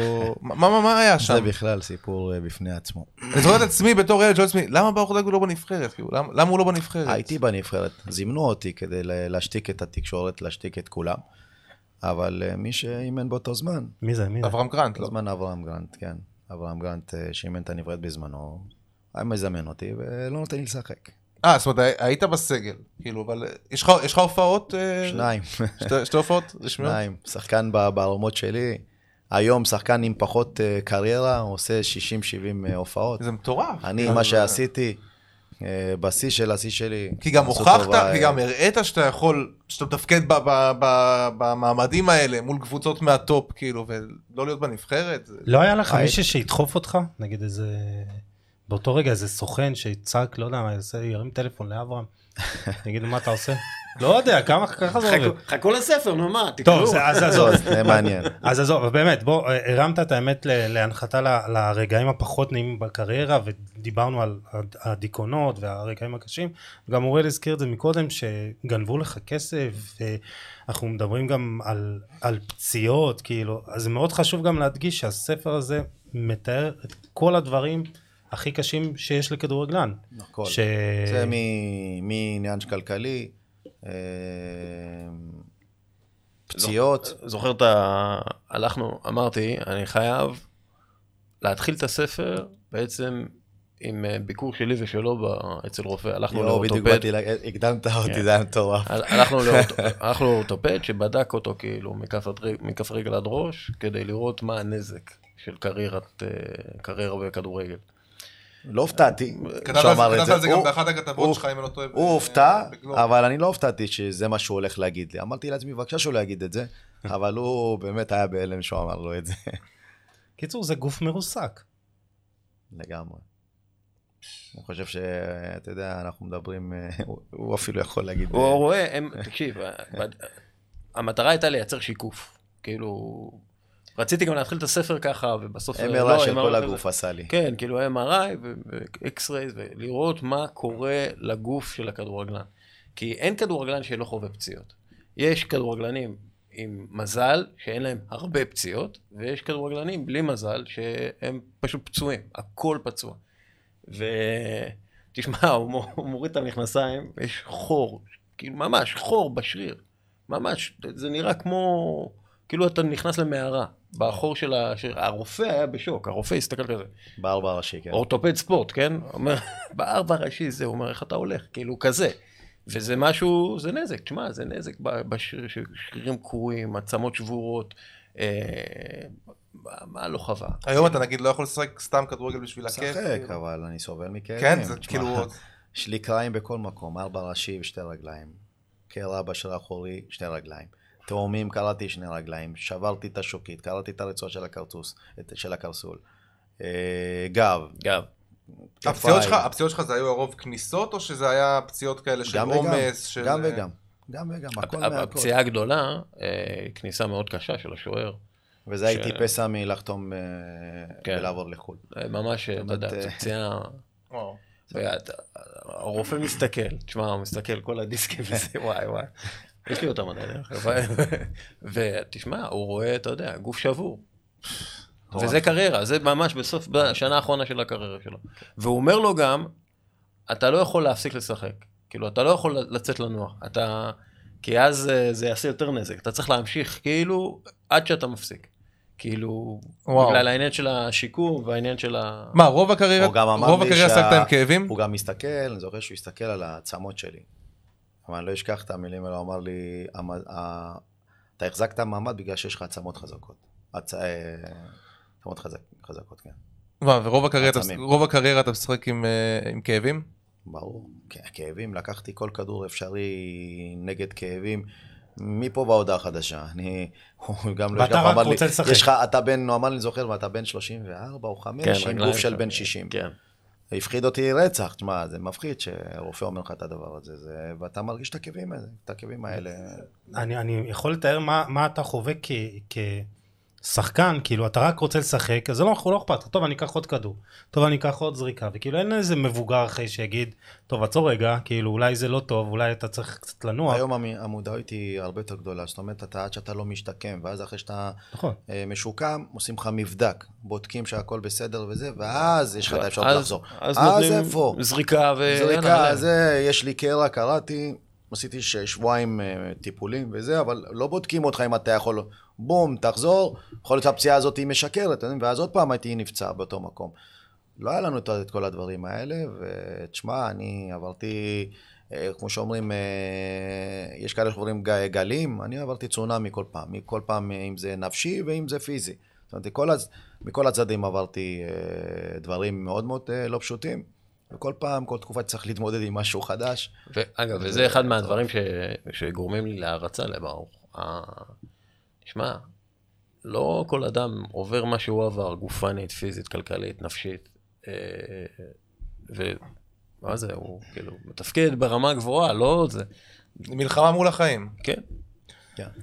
נקודה אה, קטנה שאני רוצה ל- להתעכב איתך על אה, חו"ל, מלבד איזה אפיזודה קצרה בקפריסין, גיל 28, לא, לא חווית את ה... כאילו קריירה בחו"ל, אז אתה מרגיש פספוס, ואוריאל עכשיו הזכיר את ההצעה מחו"ל שהתפספסה, איפה זה היה? כן, היה? לי, בספרד היה לי כמה הצעות, אם זה מלקרונה בזמנו, סלטה ויגו, ועוד כמה וכמה קבוצות, שאם לא הייתי שובר את הרגל, בדיוק בפיק שלי, בשיא שלי, בעונת האליפות, אה, הייתי כנראה באחת הקבוצות הבכירות. אה, גם היה לי כמה אופציות לצאת החוצה מיד לאחר ליגת האלופות, דרך אגב, שזה גם עוד משבר, עוד, זה משהו שלקחתי את זה מאוד מאוד קשה. איפה, איפה היית שבאותו צריך? סוף עונה, כביכול מכבי שחררו אותי, אתה יודע, שסיפרתי את הסיפור. כן. איפה היית צריך לחתום? היו דיבורים בכל מיני קבוצות, אם זה בבלגיה, אם זה בגרמניה, וכל מיני מקומות אה, שמדברים עליי, שהבקעתי ארבעה שערים, אתה יודע, ונבחרתי אחרי אייקס אה, שחקן אתה נכנס המצטיין לפנקסים. של אה, ליגת האלופות.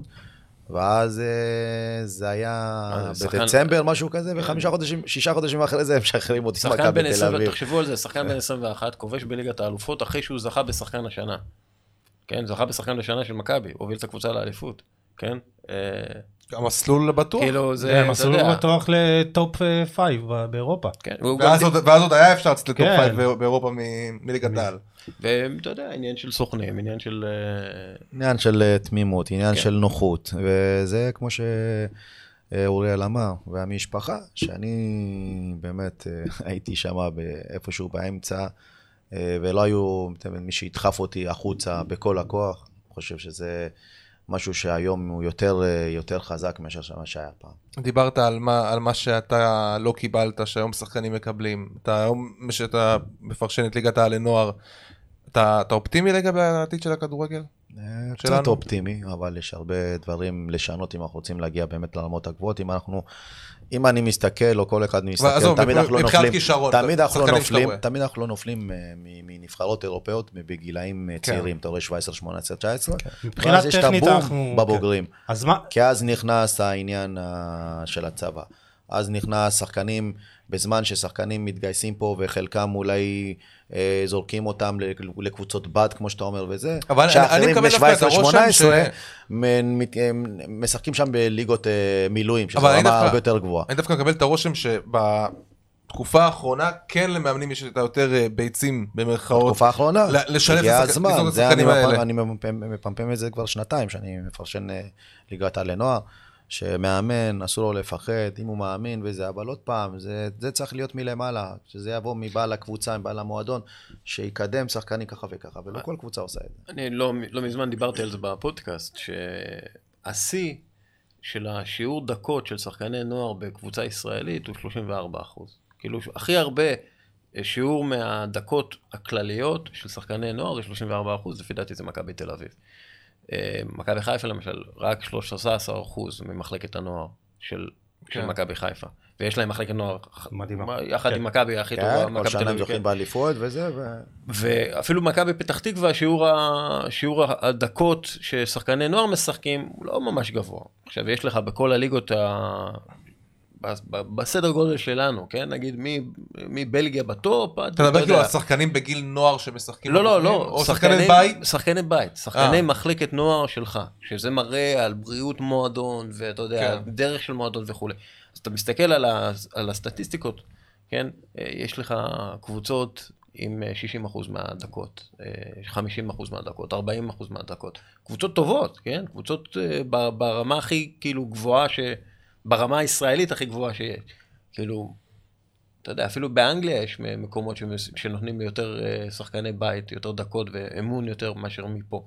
עכשיו, אני אומר, למה יש מחלקת, כאילו, למה יש כדורגל ישראלי, אם לא לייצר. אם לא לייצר, מתוך, למה אתה מחזיק קבוצת כדורגל עם מחלקת נוער, אם אתה לא מייצר מתוך המחלקת נוער הזאת, ואתה מייצר, אתה יודע, איזשהו תפקיד בתוך הארגון שעוזר לשחקני נוער לעשות את המעבר הזה, ונותן להם את המעטפת וכולי, כי הם שלך, הם שלך כבר. זה, זה כאילו, זה כל כך הרבה יותר הגיוני ואפקטיבי, והגיוני כלכלית, הגיוני, אתה יודע, לחיבור של הקהל לקבוצה. זה פשוט הגיוני לשחק עם שחקני נוער, בטח בליגה כמו ה- אה, הליגה הישראלית. אתה יודע, זה, אתה יודע, כל אחד עם האינטרסים שלו. אתה עובד עם אה, נוער בגן יבנה, נכון? נכון. אז אה, תספר לנו קצת על המקום, כאילו אם אתה... אמ, היום היא כבר הפכה להיות, אה, שהגעתי, בדיוק הגעתי בתקופה של הקורונה, אה, הגעתי, היו אה, שלוש, שלוש קבוצות אה, של ילדים אה, ג', ילדים ב', ילדים א'. אתה יודע, באתי לעשות שינוי, ביקש ממני חבר טוב, שהוא היום גם הוא היועץ המשפטי שלקחתי אותו איתי לעירוני אשדוד, והוא אמר לי, אנחנו רוצים אה, לקדם פה משהו, ובאמת זה, אפשר להגיד שגן יבנה זה כמו פרויקט חיי, זה... לקחתי את אה, גן יבנה. מה עשית שם? זאת אומרת, מה- מה מה התהליך התהליך שאתה עושה שם? ש- בחירת ש- מאמנים? גם בחירת מאמנים, דרך? אבל בעיקר ה- התוויתי דרך, עשיתי להם, ה- זאת אומרת, הבאתי, עשיתי הרצאה, הכנתי אימונים, איזה איך- איך תוכנית. אתה- איך אתה רואה לא, נגיד ישבתי, שאימונים נכנס- צריכים אני להיות? זוכר שנפגשתי עם כל אנשי המועצה שם אה, לפני תחילת העונה, הכנתי להם אה, מצגת, אמרתי להם, אני עוד חמש שנים, תנו לי חמש שנים, לזה אני רוצה להגיע. זאת אומרת, ראיתי, עשיתי להם תוכנית של מחלקות נוער, אה, של אה, מחלקה תחתונה עליונה, כל הדברים האלה. כשהגעתי היו שלוש קבוצות, וכשכמובן הגעתי, בניתי את הקבוצה הבוגרת, אמרתי להם, כדי שלילדים יהיה איזשהו אופק, צריך לבנות יש קבוצה בוגרת? יש קבוצת בוגרת בליגה ג' שהקמתי. אה, עוד פעם, זה גם בתחילת הדרך. אה, וכמובן, הפכתי את זה, הם כל הזמן דיברו חוג, חוג, חוג, חוג. כן. אמרתי להם, היום לא מדברים על חוג. זה ליגה מקצוענית. חוג זה בית ספר לכדורגל, זה נפרד, תעשו הפרדה. הם עשו, תמיד שילבו את זה, את הבית ספר ואת הליגה שיש להם, לחוג. וכל שחקן שהיה מגיע לנערים ג', אותה קבוצה מתפרקת, ובעצם תמיד היו שלושה, שלוש קבוצות שם קבועות. והתחלתי להפוך לאט לאט, לפמפם את זה. היו מדברים איתי על חוג, אל תדברי איתי, אם את מדברת איתי על חוג, אל תדברי איתי. הייתי אומר להם ככה, אני מנתק להם את הטלפון. בתודעה כבר הכנסתי להם את הקטע של ההפרדה בית ספר, ליגה מקצוענית, וכל שנה התחלתי לבנות. כבר באותה שנה, אה, שנה אחרי זה כבר עלינו לשש קבוצות, עם קבוצת בוגרים, שנה הבאה אנחנו כבר נהיה בין שמונה לתשע קבוצות, עוברים למגרש, והכנסתי, אני מכניס להם כל הקטע של וידאו, מאמנים. אני מתווה את הדרך מועדון בוטיק, בקטע כמו של, שגיל... מועדון בוטיק. הלכתי על הקונספט של אה, כמו טורבו כזה, אתה יודע, הקבוצות האלה ללא קבוצת בוגרת ברמה הגבוהה, אבל שתדע לפתח, והקטע של שאני הולך גם לעשות שיתוף פעולה עם אחת הקבוצות אולי הגדולות או משהו כזה, של אותם ילדים לא יוכלו לברוח לי. למקומות אחרת, ו- ובזאת אומרת הם יקבלו ממני את כל היסודות, את כל הדברים הטובים, שאני מעביר להם בעצם את המסר ממה- מאיפה שאני גדלתי, מה אני קיבלתי, ולא חייב להיות במועדון גדול כדי להגיד אני שחקן וזה, אפשר גם במועדון קטן לקבל את כל היסודות עד uh, גיל מסוים, ואז אנחנו, אנחנו אומרים, משחררים אותך לדרך. כאילו לבנות אותו. בצורה כן, נכונה. זה בדיוק מה כן. שרוני, בדיוק מה שרוני אה, דיבר איתנו בפרק עם... שהרבה שחקנים עושים, הם קופצים מקבוצה לקבוצה, הם נכון. מאוד מתפתים, וכל הקטע של עד גיל 15, שיכולים לעבור לכל קבוצה, לפעמים מאבדים את עצמם, הם לא כן. מבינים את זה, וזה המטרה שלי. ואתה רוצה. לספק להם את כל הבסיס, ואת כל היסודות. והיכולות. כשהגעתי לא היה כלום בעצם, אני הגעתי זה מאמנים, הכנסתי להם מאמן כושר, הכנסתי מאמן שוערים, דברים שלא בכלל אמרו לי, או, אין, אין תקציב, אז תמצאו תקציב. לאט לאט ככה מכניסים להם, לשמחתי גם, בסוף זה גם השיתוף פעולה, אנשים שבאמת רוצים ש... אה, להצליח שם ולקדם את המקום הזה, ולשמחתי יש לי אוזן קשבת ולא... אני חושב שבאמת כמה שיותר מועדונים כאלה, זה רק יעשה טוב לכדורגל הישראלי, דיברנו על זה גם בפרק עם רוני, אם יהיו מועדונים כאלה, בצפון, כן. במרכז, בדרום, כמו שאתה אומר, בגן יבנה, מועדונים שבאמת כל המהות שלהם תהיה לייצר שחקנים, פחות הקטע התחרותי. הכדורגל הגרמני הוא ככה. כן, כן. תחשוב, תחשוב על זה, כדורגל גרמני, ביירן מינכן לא מגיעה לילדים ב- בכיתה, בכיתה א' ומאמנת אותם.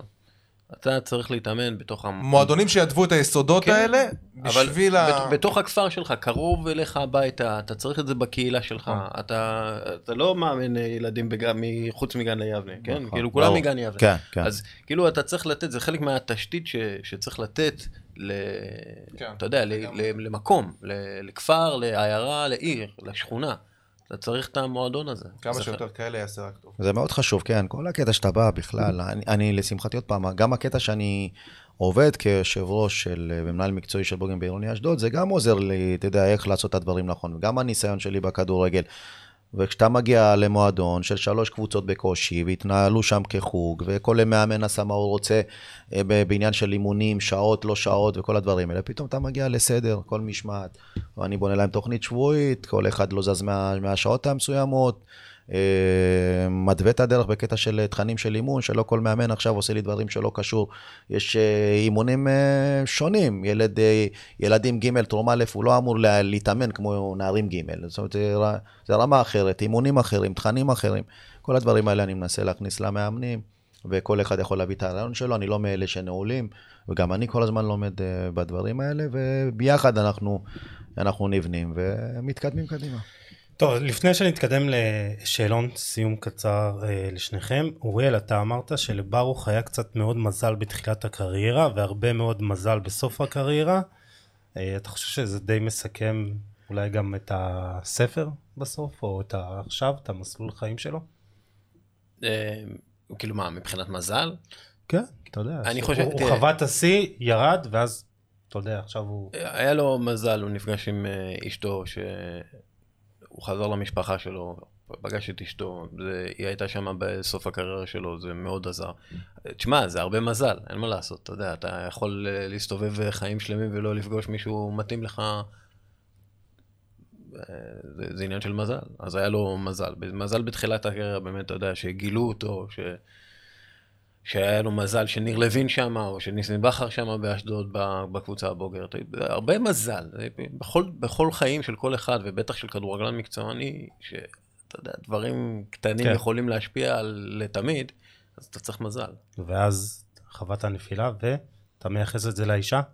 באיזה גיל זה היה? לא, לא? מה זאת אומרת? איזה את הנסיקה חזרה למעלה.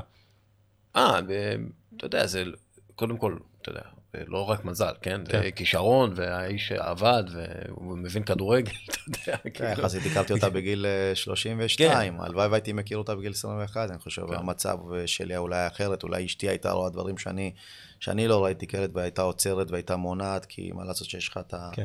האישה חזקה, מבינה וזה, ולא שאני עכשיו, אה, אה, מגיל 32 עכשיו אני בשיא שלי, ממש לא, אבל לפחות... יש מישהו שמאזן אותך. כן, יש מישהו שמאזן אותך, אתה נכנס הביתה, אתה שוכח מהכל, פתאום יש לך את הילדה בדרך, ואז נול- נולדת הילדה, ואז יש לך בשביל מי לצאת להילחם.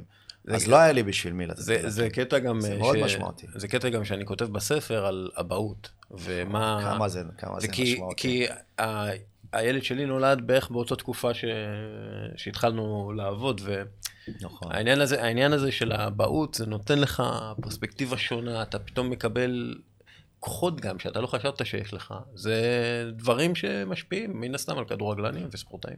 תשמע, אמרת משהו מדהים בפרק, שפעם בשבועיים אתה לא שולח את הילד לבית ספר או משהו, נכון?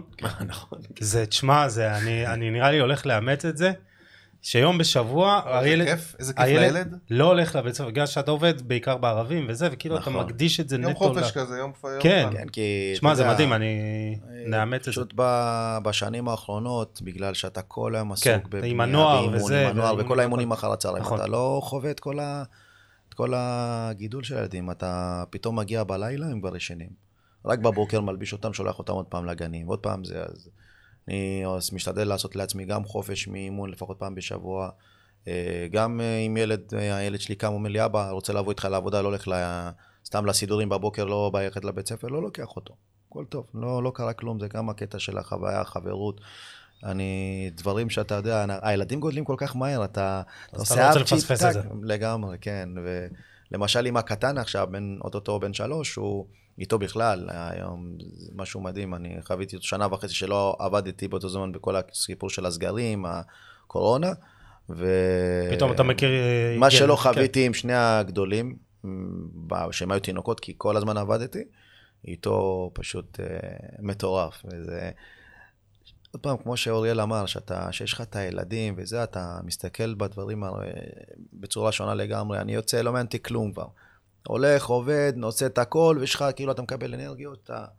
זה אה, בכלל היה לנו, בכלל היה לנו סגירת כזה, אתה פרשת, נכון. הילד נולד, נכון. כאילו ממש יום אחרי יום, כאילו, ו- וסגרנו את העניין הזה של הספר, כאילו, סיימתי לכתוב אותו, כאילו, באותו, באותו כאילו נכון. שבוע, זה היה משהו הזוי כזה. אה, טוב, אנחנו חוזרים למילת המפתח, זה משפחה פה, בעניין של לגמרי. הספר. לגמרי. כן. אז אה, כמה חשוב באמת התמיכה מסביב והמעטפת המשפחתית, אז אה, יפה שאתה עושה את זה, אני הולך לאמץ את אה, הטיפ הזה. בהצלחה. לא, מה זה יפה, לא, זה חשוב. אה, שאלון סיום קצרצר, אה, רגע השיא אה, של הספר מבחינתכם, זה יכול להיות איזה, לא יודע, איזה פגישה שהייתה לכם, איזה סיפור, איזה, לא יודע, איזה הדפסה שלו. אה, ברוך, נתחיל איתך. רגע, השיא, שהוא... של הספר, שזה... של יכול הספר לגמרי, אני חושב, ב- בעיניי, רגע השיא, זה שאוריאל שלח לי הודעה ככה עם סרטון כזה, הנה הספר יוצא להדפסה, אני ממך התרגשתי. העלית את זה בזה, נכון? כן. התרגשתי שאתה לא מבין, כאילו אני, אני לא אשקר לך, כאילו הילדה שלי הראשונה נולדה, זה פשוט אה, אותו דבר לגמרי. אני זוכר שהוא שלח לי ואני כולי, הוא לא הרגיש את ההתרגשות שלי, כי זה היה, אתה יודע, בוואטסאפ, אבל אה, זה היה רגע שהרגש אותי, שאני לא האמנתי בכלל, אני אומר לך את האמת, לא. לא האמנתי שהספר יצא, בטח ששמנו את זה במימון המונים, ובכלל, אה, ובעצם היו, עוד אחד היה, שאני זוכר שהיינו כמה שבועיים לסוף uh, המימון המונים, ואז יום למחרת, אני אמרתי לעצמי, לא, לא, לא יודע, שבועיים או חודש, לא, משהו כזה, והיה חסר לנו את ה-30 או משהו כזה, ואמרתי לעצמי, 30,000 ואני- בשבועיים ואני לא- להשיג? ואני לא, אמרתי לעצמי, יאללה, כמה טלפונים, עוד מי אני אוכל ל- ל- להציג כדי לסגור את המימון המונים, שכל מה שבאמת אה, אה, כבר הושג לא ילך, אה, לא ילך לפח וכל זה, ופתאום אני קם בבוקר, הוא מתקשר אליי, אומר לי, ברוך, תיכנס לזה, אני נכנס, טאק, עברנו את המאה. הייתי בהלם, אמרתי לו, מי זה? מה? איך? זה, זה, זה עוד, אה, שני הדברים האלה לגמרי, אני, אני אומר לך, אני דמעתי, אני התרגשתי בצורה בלתי רגילה. מה שלך? אני לוקח את זה להתחלה, אנחנו יושבים, וברוך בוכה. מה אנחנו מדברים? בואנה, אתה בוכה הרבה. ברוך, בואנה, לא, מה זה? כל הזמן חוזר. אותו גם בקריירה בוכה. מאוד רגיש. גבר- רגיש, מה? מאוד אה, רגיש, כן. אה. והוא, אנחנו יושבים, זה היה ש- קפה עד. שלא ישבתי איתו, לא בכיתי. אז זה אתה אשם, אתה מבין? לא, אתה יודע, הוצאתי את כל החולי ממני, איפשהו זה זה רוקן אותי, ועשה אותי יותר אה, חדש. איכשהו בכה, כאילו, זה היה, אתה יודע, זה היה רגע שהוא מספר אה, דברים אה, קשים, כאילו. אתה יודע, אנחנו יושבים בבית קפה שם, זה היה חורף גם, זה היה כזה נכון. משהו, והוא בוכה, ואיכשהו, איך שזה קרה, כאילו, גם הגענו תמיד בפתיחה, שהבית קפה נפתח, ואנחנו מהקורסונים הכי טריים. לבד, הוא אה, ואני, זה... איזה בית קפה שנדע. אני לא זוכר. זה היה ב-yes yes שם, Planet. בחדר בתי אה, קפה. אוקיי. ואז הבנתי, אוקיי, יש לי, יש פה, כאילו, הולך להיות פה ספר, כאילו, ספר. אה, ומבחינת השיא, כאילו, ההתרגשות וכאלה, באמת, כשגייסנו את ההמונים, זה בחור, אני לא יודע כמה אני יכול לחשוף אותו, כי אני לא יודע כמה הוא רוצה, אבל. הוא, הוא בחור שגר בארצות הברית, אה, סוג של אה, מלאך, נגיד את זה ככה, והוא גם היה שחקן במכבי תל אביב בנוער, בתקופה של אה, ברוך. אה, ממש עלה, והוא אמר לי, אני מכיר את האווירה שם שהייתה. וואלה, היה חשוב לו כאילו... היה לו חשוב, והיה לו חשוב עוד כמה דברים, כאילו, חשוב לו, כאילו, כל העניין הזה.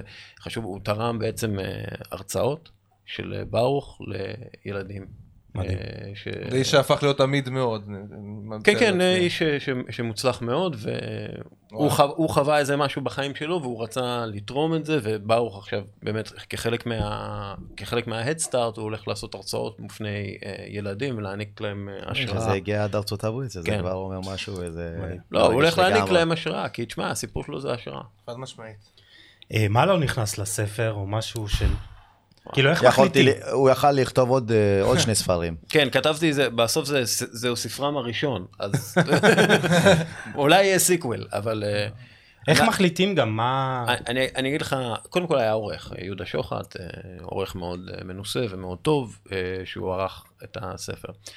אני תכננתי במ- במ- במקור ספר טיפה יותר ארוך, אוקיי? אבל גם לברוך היה חשוב שהספר לא יהיה ארוך מדי, ושהספר יהיה מאוד קריא, כי, כי זה חשוב שילדים, אה, בני נוער, 12, 13, 14, 15, 16, יקראו את זה. יקראו את זה ו- ויבינו מה, לא- לאיזה עולם הם נכנסים, כי העולם לא השתנה, עולם הכדורגל, אולי הפך אפילו ליותר אה, בעייתי עבור אה, צעירים. אז הספר הוא לא הכי ארוך בעולם, פחות מ-200 אה, עמודים, אבל הוא אמור כאילו, כולם יכולים לקרוא אותו. אפשר לסיים אותו ביום כיפור אחד. כן, כן, כן, כן, אפשר, אפשר לסיים אותו, אפשר, אפשר... אה, לא, זה- הזמן היחיד שאני קורא ספרים. פה. אני, לא, אנחנו חייבים להתחיל, גם- גם שם, ביום כיפור, אני לא מסוגל לקרוא. פוצץ לי הראש, כאילו, אני אין לו... רק ישן. לא משנה, נו. אז, זה עניין של, שזה באמת עניין של כאילו, ש, שיהיה קריא, שיהיה אפשר לקרוא אותו, כי אפשר לכתוב, אתה יודע, ביוגרפיה, אפשר באמת ללכת ל... אתה יודע, כאילו, צריך אבל להוריד, אתה יודע, את הסיפורים, זה זה, הפועל תל אביב למשל, כאילו לא נכנסתי עמוק לתוך הפועל תל אביב, כי, כי הסיפור הגדול ב, בתקופה בהפועל תל אביב היה בכלל במקום אחר, אז לא נכנסתי לכל ה... זה לא ספר טקטי, כן? זה כן, לא ספר כן. שמסביר כאילו מה קרה במהלך הקריירה שלו ככדורגלן, זה מה כן, קרה... זה גם בין סתם לפשט את זה לאנשים שלא, לאו דווקא מבינים בכדורגל עכשיו. כן, זה, זה סיפור לא רק לאנשים, כי קודם כל זה הסיפור שלו, זה לא סיפור רק של כדורגל, זה, כן. זה סיפור הרבה יותר גדול של כדורגלן, אבל זה סיפור על, אה, זה סיפור חיים. יש איזה קטע שאמרת, אני לא רוצה שזה ייכנס? או שאמרת, נתת לו יד חופשית, תכניס הכל. כאילו אמרת, טוב, אני שופך את זה, ואז אמרתי לו, חשבת, ברגע שדיברנו וידעתי בתוך תוכי שאוריאל יעשה לי את ה... הוא בעצם יכתוב לי את כל הספר, אמרתי לעצמי שאני חייב להיות איתו פתוח, ושהוא יעשה ויבנה את זה בצורה הכי טובה, הכי נכונה, ושמחתי עליו בקטע כן, הזה. הוא לא, הוא סיפר הכל, לא...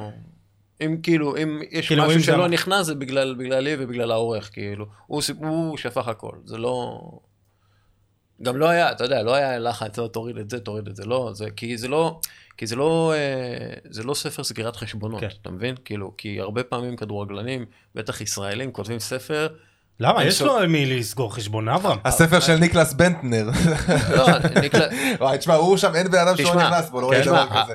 הקוסם זה כאילו. קלאסי, הקוסם של אייל ברקוביץ', הוא יושב ונכנס ב- בכולם, כן? יש לי אותו, אה, בבית, שההורים. אגב, ספר סבבה, כן? אחלה סיפורים, אבל בסופו של דבר, זה לא הספר שאני רציתי לכתוב, כי מה לי סגור חשבונות? אני רוצה לספר סיפור שלא שמעו. אז לא, אין סגירת חשבונות עם אברהם בספר.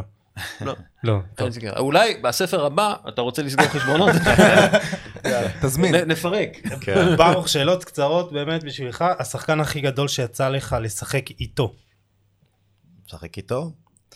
אה, היו שניים, אפילו ש, שבגללו גם אה, סבלתי הרבה, כמובן זה אבי נימני וטל בנין. טל בנין, כן, דיברת עליו, דיברת עליו. טל בנין בעיקר, למדתי ממנו. את כל המקצוענות, זאת אומרת, אני... הפך אותי, הפך אותי להיות הזה. מ... גם מנהיג השקט, גם המקצוענות שלו, היה מגיע שעה לפני והולך שעה אחרי זה. זה דברים שאתה אומר לעצמך רק אה, פשוט לספוג. אה, השחקן הכי גדול שיצא לך לשחק מולו, היה לך מלא, אבל מי כאילו... הכי- נגדו? כן. וואו, בשיא של השיא זה ג'ובאני וג'ובאני ויוסי, שהייתי נגדם. אתה אומר פאבל. נדווד אה, אתה מדבר על אירופה או בכל. ישראלית? לא, גם. אם זה, אתה לוקח אותי לליגת האלופות, אה, ברור אה, אה, ו- ואייקס את סניידר. שהיה בשיא שלו, עוד לפני שעבר לריאל מדריד. לפני שהוא השמין ככה. בן אדם... כן, אה, זה... סניידר הפך לאחד עם הכדור. זה היה. המאמן הכי טוב שהיה לך, לא אברהם גרנט. המאמן אבל טוב אמרתי לו שהיה לי. ממש קצת, אתה יודע, זה- שמע, הוא לא הספיק להתרשם. אני באמת עברתי המון המון מאמנים, מניר קלינגר, אה, כמו שאוריאל אמר, אה, אה, ניר לוין, ניר קלינגר, קשטן. אלי גוטמן, קשטן. ממי למדת לו- הכי כל הרבה? כל אחד הביא. לך אני לקחתי אחר? מכל אחד את ה... כל אחד היה מתמחה באיזה משהו אחר, נגיד נכון. קשטן היה משמעת, יש, יש כאלה שהיו קרים, אבל היו, לימדו אותי את, הבס... את, העמידה הטקטית. איך לשחק נכון. יש כאלה שבחלק ההתקפי שחררו אותי יותר ולא החזיקו אותי יותר. מכל אחד אתה לוקח את הדברים הטובים, ובעצם הופך להיות שחקן אה, הרבה יותר טוב. אני חושב שהמאמנים, המאמנים קשה לי מאוד לבחור אחד ספציפי, אה, למרות שאני יכול להגיד לך עכשיו ניר לוין וניר קלינגר, אלה בעצם נתנו לי את. את הספתח, את הבעיטה, כמו שאומרים, קדימה. אבל אה, אני חושב שלמדתי גם מהשאר הרבה דברים. מעניין אותי, מסאי, לאן יגיע? מסאי, לאן יגיע? יגיע. אני מאוד מקווה לרמות הכי גבוהות בתחום האימון. אתה מאמין אני שהוא יכול להיות. מאמן top אה, ישראלי? אני לא מאמין, אני בטוח. יש לו, הוא מזכיר אותי הוא כ- כבר כאילו כמו נגע שם, שחקן. הוא כן, הגיע, הוא- הוא הוא- הגיע ו... היה לו ואז- עצירה, כן. אה, עוד פעם, העצירה היא גם קרתה לא הרבה בגללו. עוד פעם, הכדורגל הישראלי, כמו שאומרים בתפארתו, לאמן אצל- מונעים- הלך לאמן אצל איזי. מונעים ממך מלעשות דברים שאתה רוצה. וכמו שאומרים, אתה צריך להיות בזמן הנכון, במקום הנכון, כדי באמת לפרוץ, ואיפשהו עד הקטע הזה, באמת עם התקופה של הפועל כפר סבא, עם שום, אה, ועם איזי, שטיפה זה עשה לו קצת, אה, פגע בו, אבל אני סומך עליו. הנה, אתה רואה מה קורה למאמנים... אה, וילך קדימה בחזרה. אתה רוצה לפעמים צריך אתה לספר הבא, נסגור חשבונות גם בשביל מסה? כן, וואי וואי. יש, יש, הנה, סגרנו משהו. אה? על משפחת שם. שום אתה רק יכול לכתוב ספר, זה ספר בפני עצמו. שאלות שאנחנו שואלים, שואלים את כל האורחים שלנו, אוריאל, איפה אתה עוד חמש שנים? זה, זה, זה מתקשר כי זה, אתה יודע, העולם של התקשורת... אה, גם סתם אנשים אה, ברחוב אנחנו שואלים את זה. שואלים את זה כולם. מעניין לי, אני לא- אני אני בטוח שאני יודע איפה אני עוד חצי שעה, מה זה עוד חמש שנים? אני לא, אני לא יודע. אחרי עוד ספר. לא, לא נראה לי. אבל אה, אני אני אגיד לכם מה, אני מקווה להמשיך לעשות את מה שאני עושה. כאילו, אני נורא לדבר- אוהב את מה שאני עושה. לדבר אני- על כדורגל וספורט. כן. מישהו, עבודה קשה, אבל מישהו חייב לעשות אותה. עושה את זה הכי טוב. תשמע, את האמת, אחד הטובים. ברוך. איפה אני רוצה עוד חמש שנים? שאני אהנה מהעשייה שאני עושה, שאני אלמד אה, תחום הניהול, כמו שאמרתי, המקצועי והניהולי בתחום הכדורגל, זה המקום שאני שוחה בו, אני אוהב אותו. איזה קבוצה אתה רוצה ו- להיות מנהל מקצועי? אין לי איזה סיטי. שם, אה, זה, הלוואי, חלום. אבל אה, לאט לאט צעד צעד להתקדם, ולהרגיש את החוויות של אה, התארים, בוא נגיד ככה. טוב, אולי ביתר, רוז, מה אתה אומר? למה אתה מאחל לו את הדברים האלה? כן, תכלס, אני לא לא מאחל לאנשים אה, בריאים להגיע למקום כרגע, אה, אבל אה, נקווה, אולי. כן. נאחל לך בהצלחה. אה, חשוב אה, להגיד, הספר בהוצאת ספרי ניב, כן, זהו, הייתה לי איזו שאלה. כן, אתם, יכולים אה, לרכוש אותו.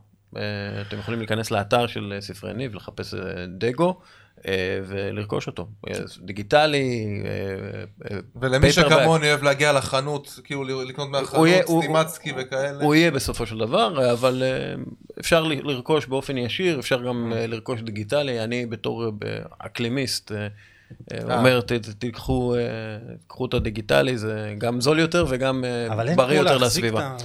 ברור, אין כמו להחזיק את הספר, אבל אתה יודע, לפעמים אה, אנשים רק רוצים את ה...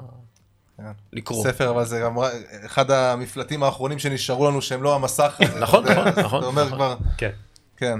אז אה, קודם כל תודה לכם, תודה אוריאל דסקל, ברוך דגו, נעמתם לנו. מאוד. גיל, סיכום שלך של הזה? וואלה, היה פשוט, נחמד. היה תענוג, לא הרגשתי שעפו שעה וארבעים, כאילו. מטורף. היה כן. באמת פרק אה, מדהים, כיף לשמוע, אתה יודע, אה, מה מה הכדורגלן עובר בכלל עם סיפור כמו של ברוך, שהוא יוצא דופן אה, ומעיד כל כך הרבה על החברה שלנו ועל הכדורגל שלנו בפרט, ואוריאל יופי של עבודה, ואני רץ לקרוא את הספר. לא היה בכיפור. עוד מעט. אה, כן, אני לא אתחיל, אני אתחיל עוד מעט. אה, תודה לעוז נקש, אה, האלוף שמפיק אה, ועורך עבורנו את הפרק באולפני פודקאסט סטודיו שבראשון לציון. אה, ולכם מאזינים ומאזינות, תודה שהייתם איתנו, אתם מוזמנים לשתף, לתייג ולהאיר את עינינו, אנחנו ניפגש בפרק הבא עם עוד תוכן מעניין ואיכותי, יש לנו עוד שני פרקים כרגיל, אה, אלוהים ישמור. כן. אה, תשמרו על עצמכם, יאללה, ביי. ביי ביי, תודה רבה.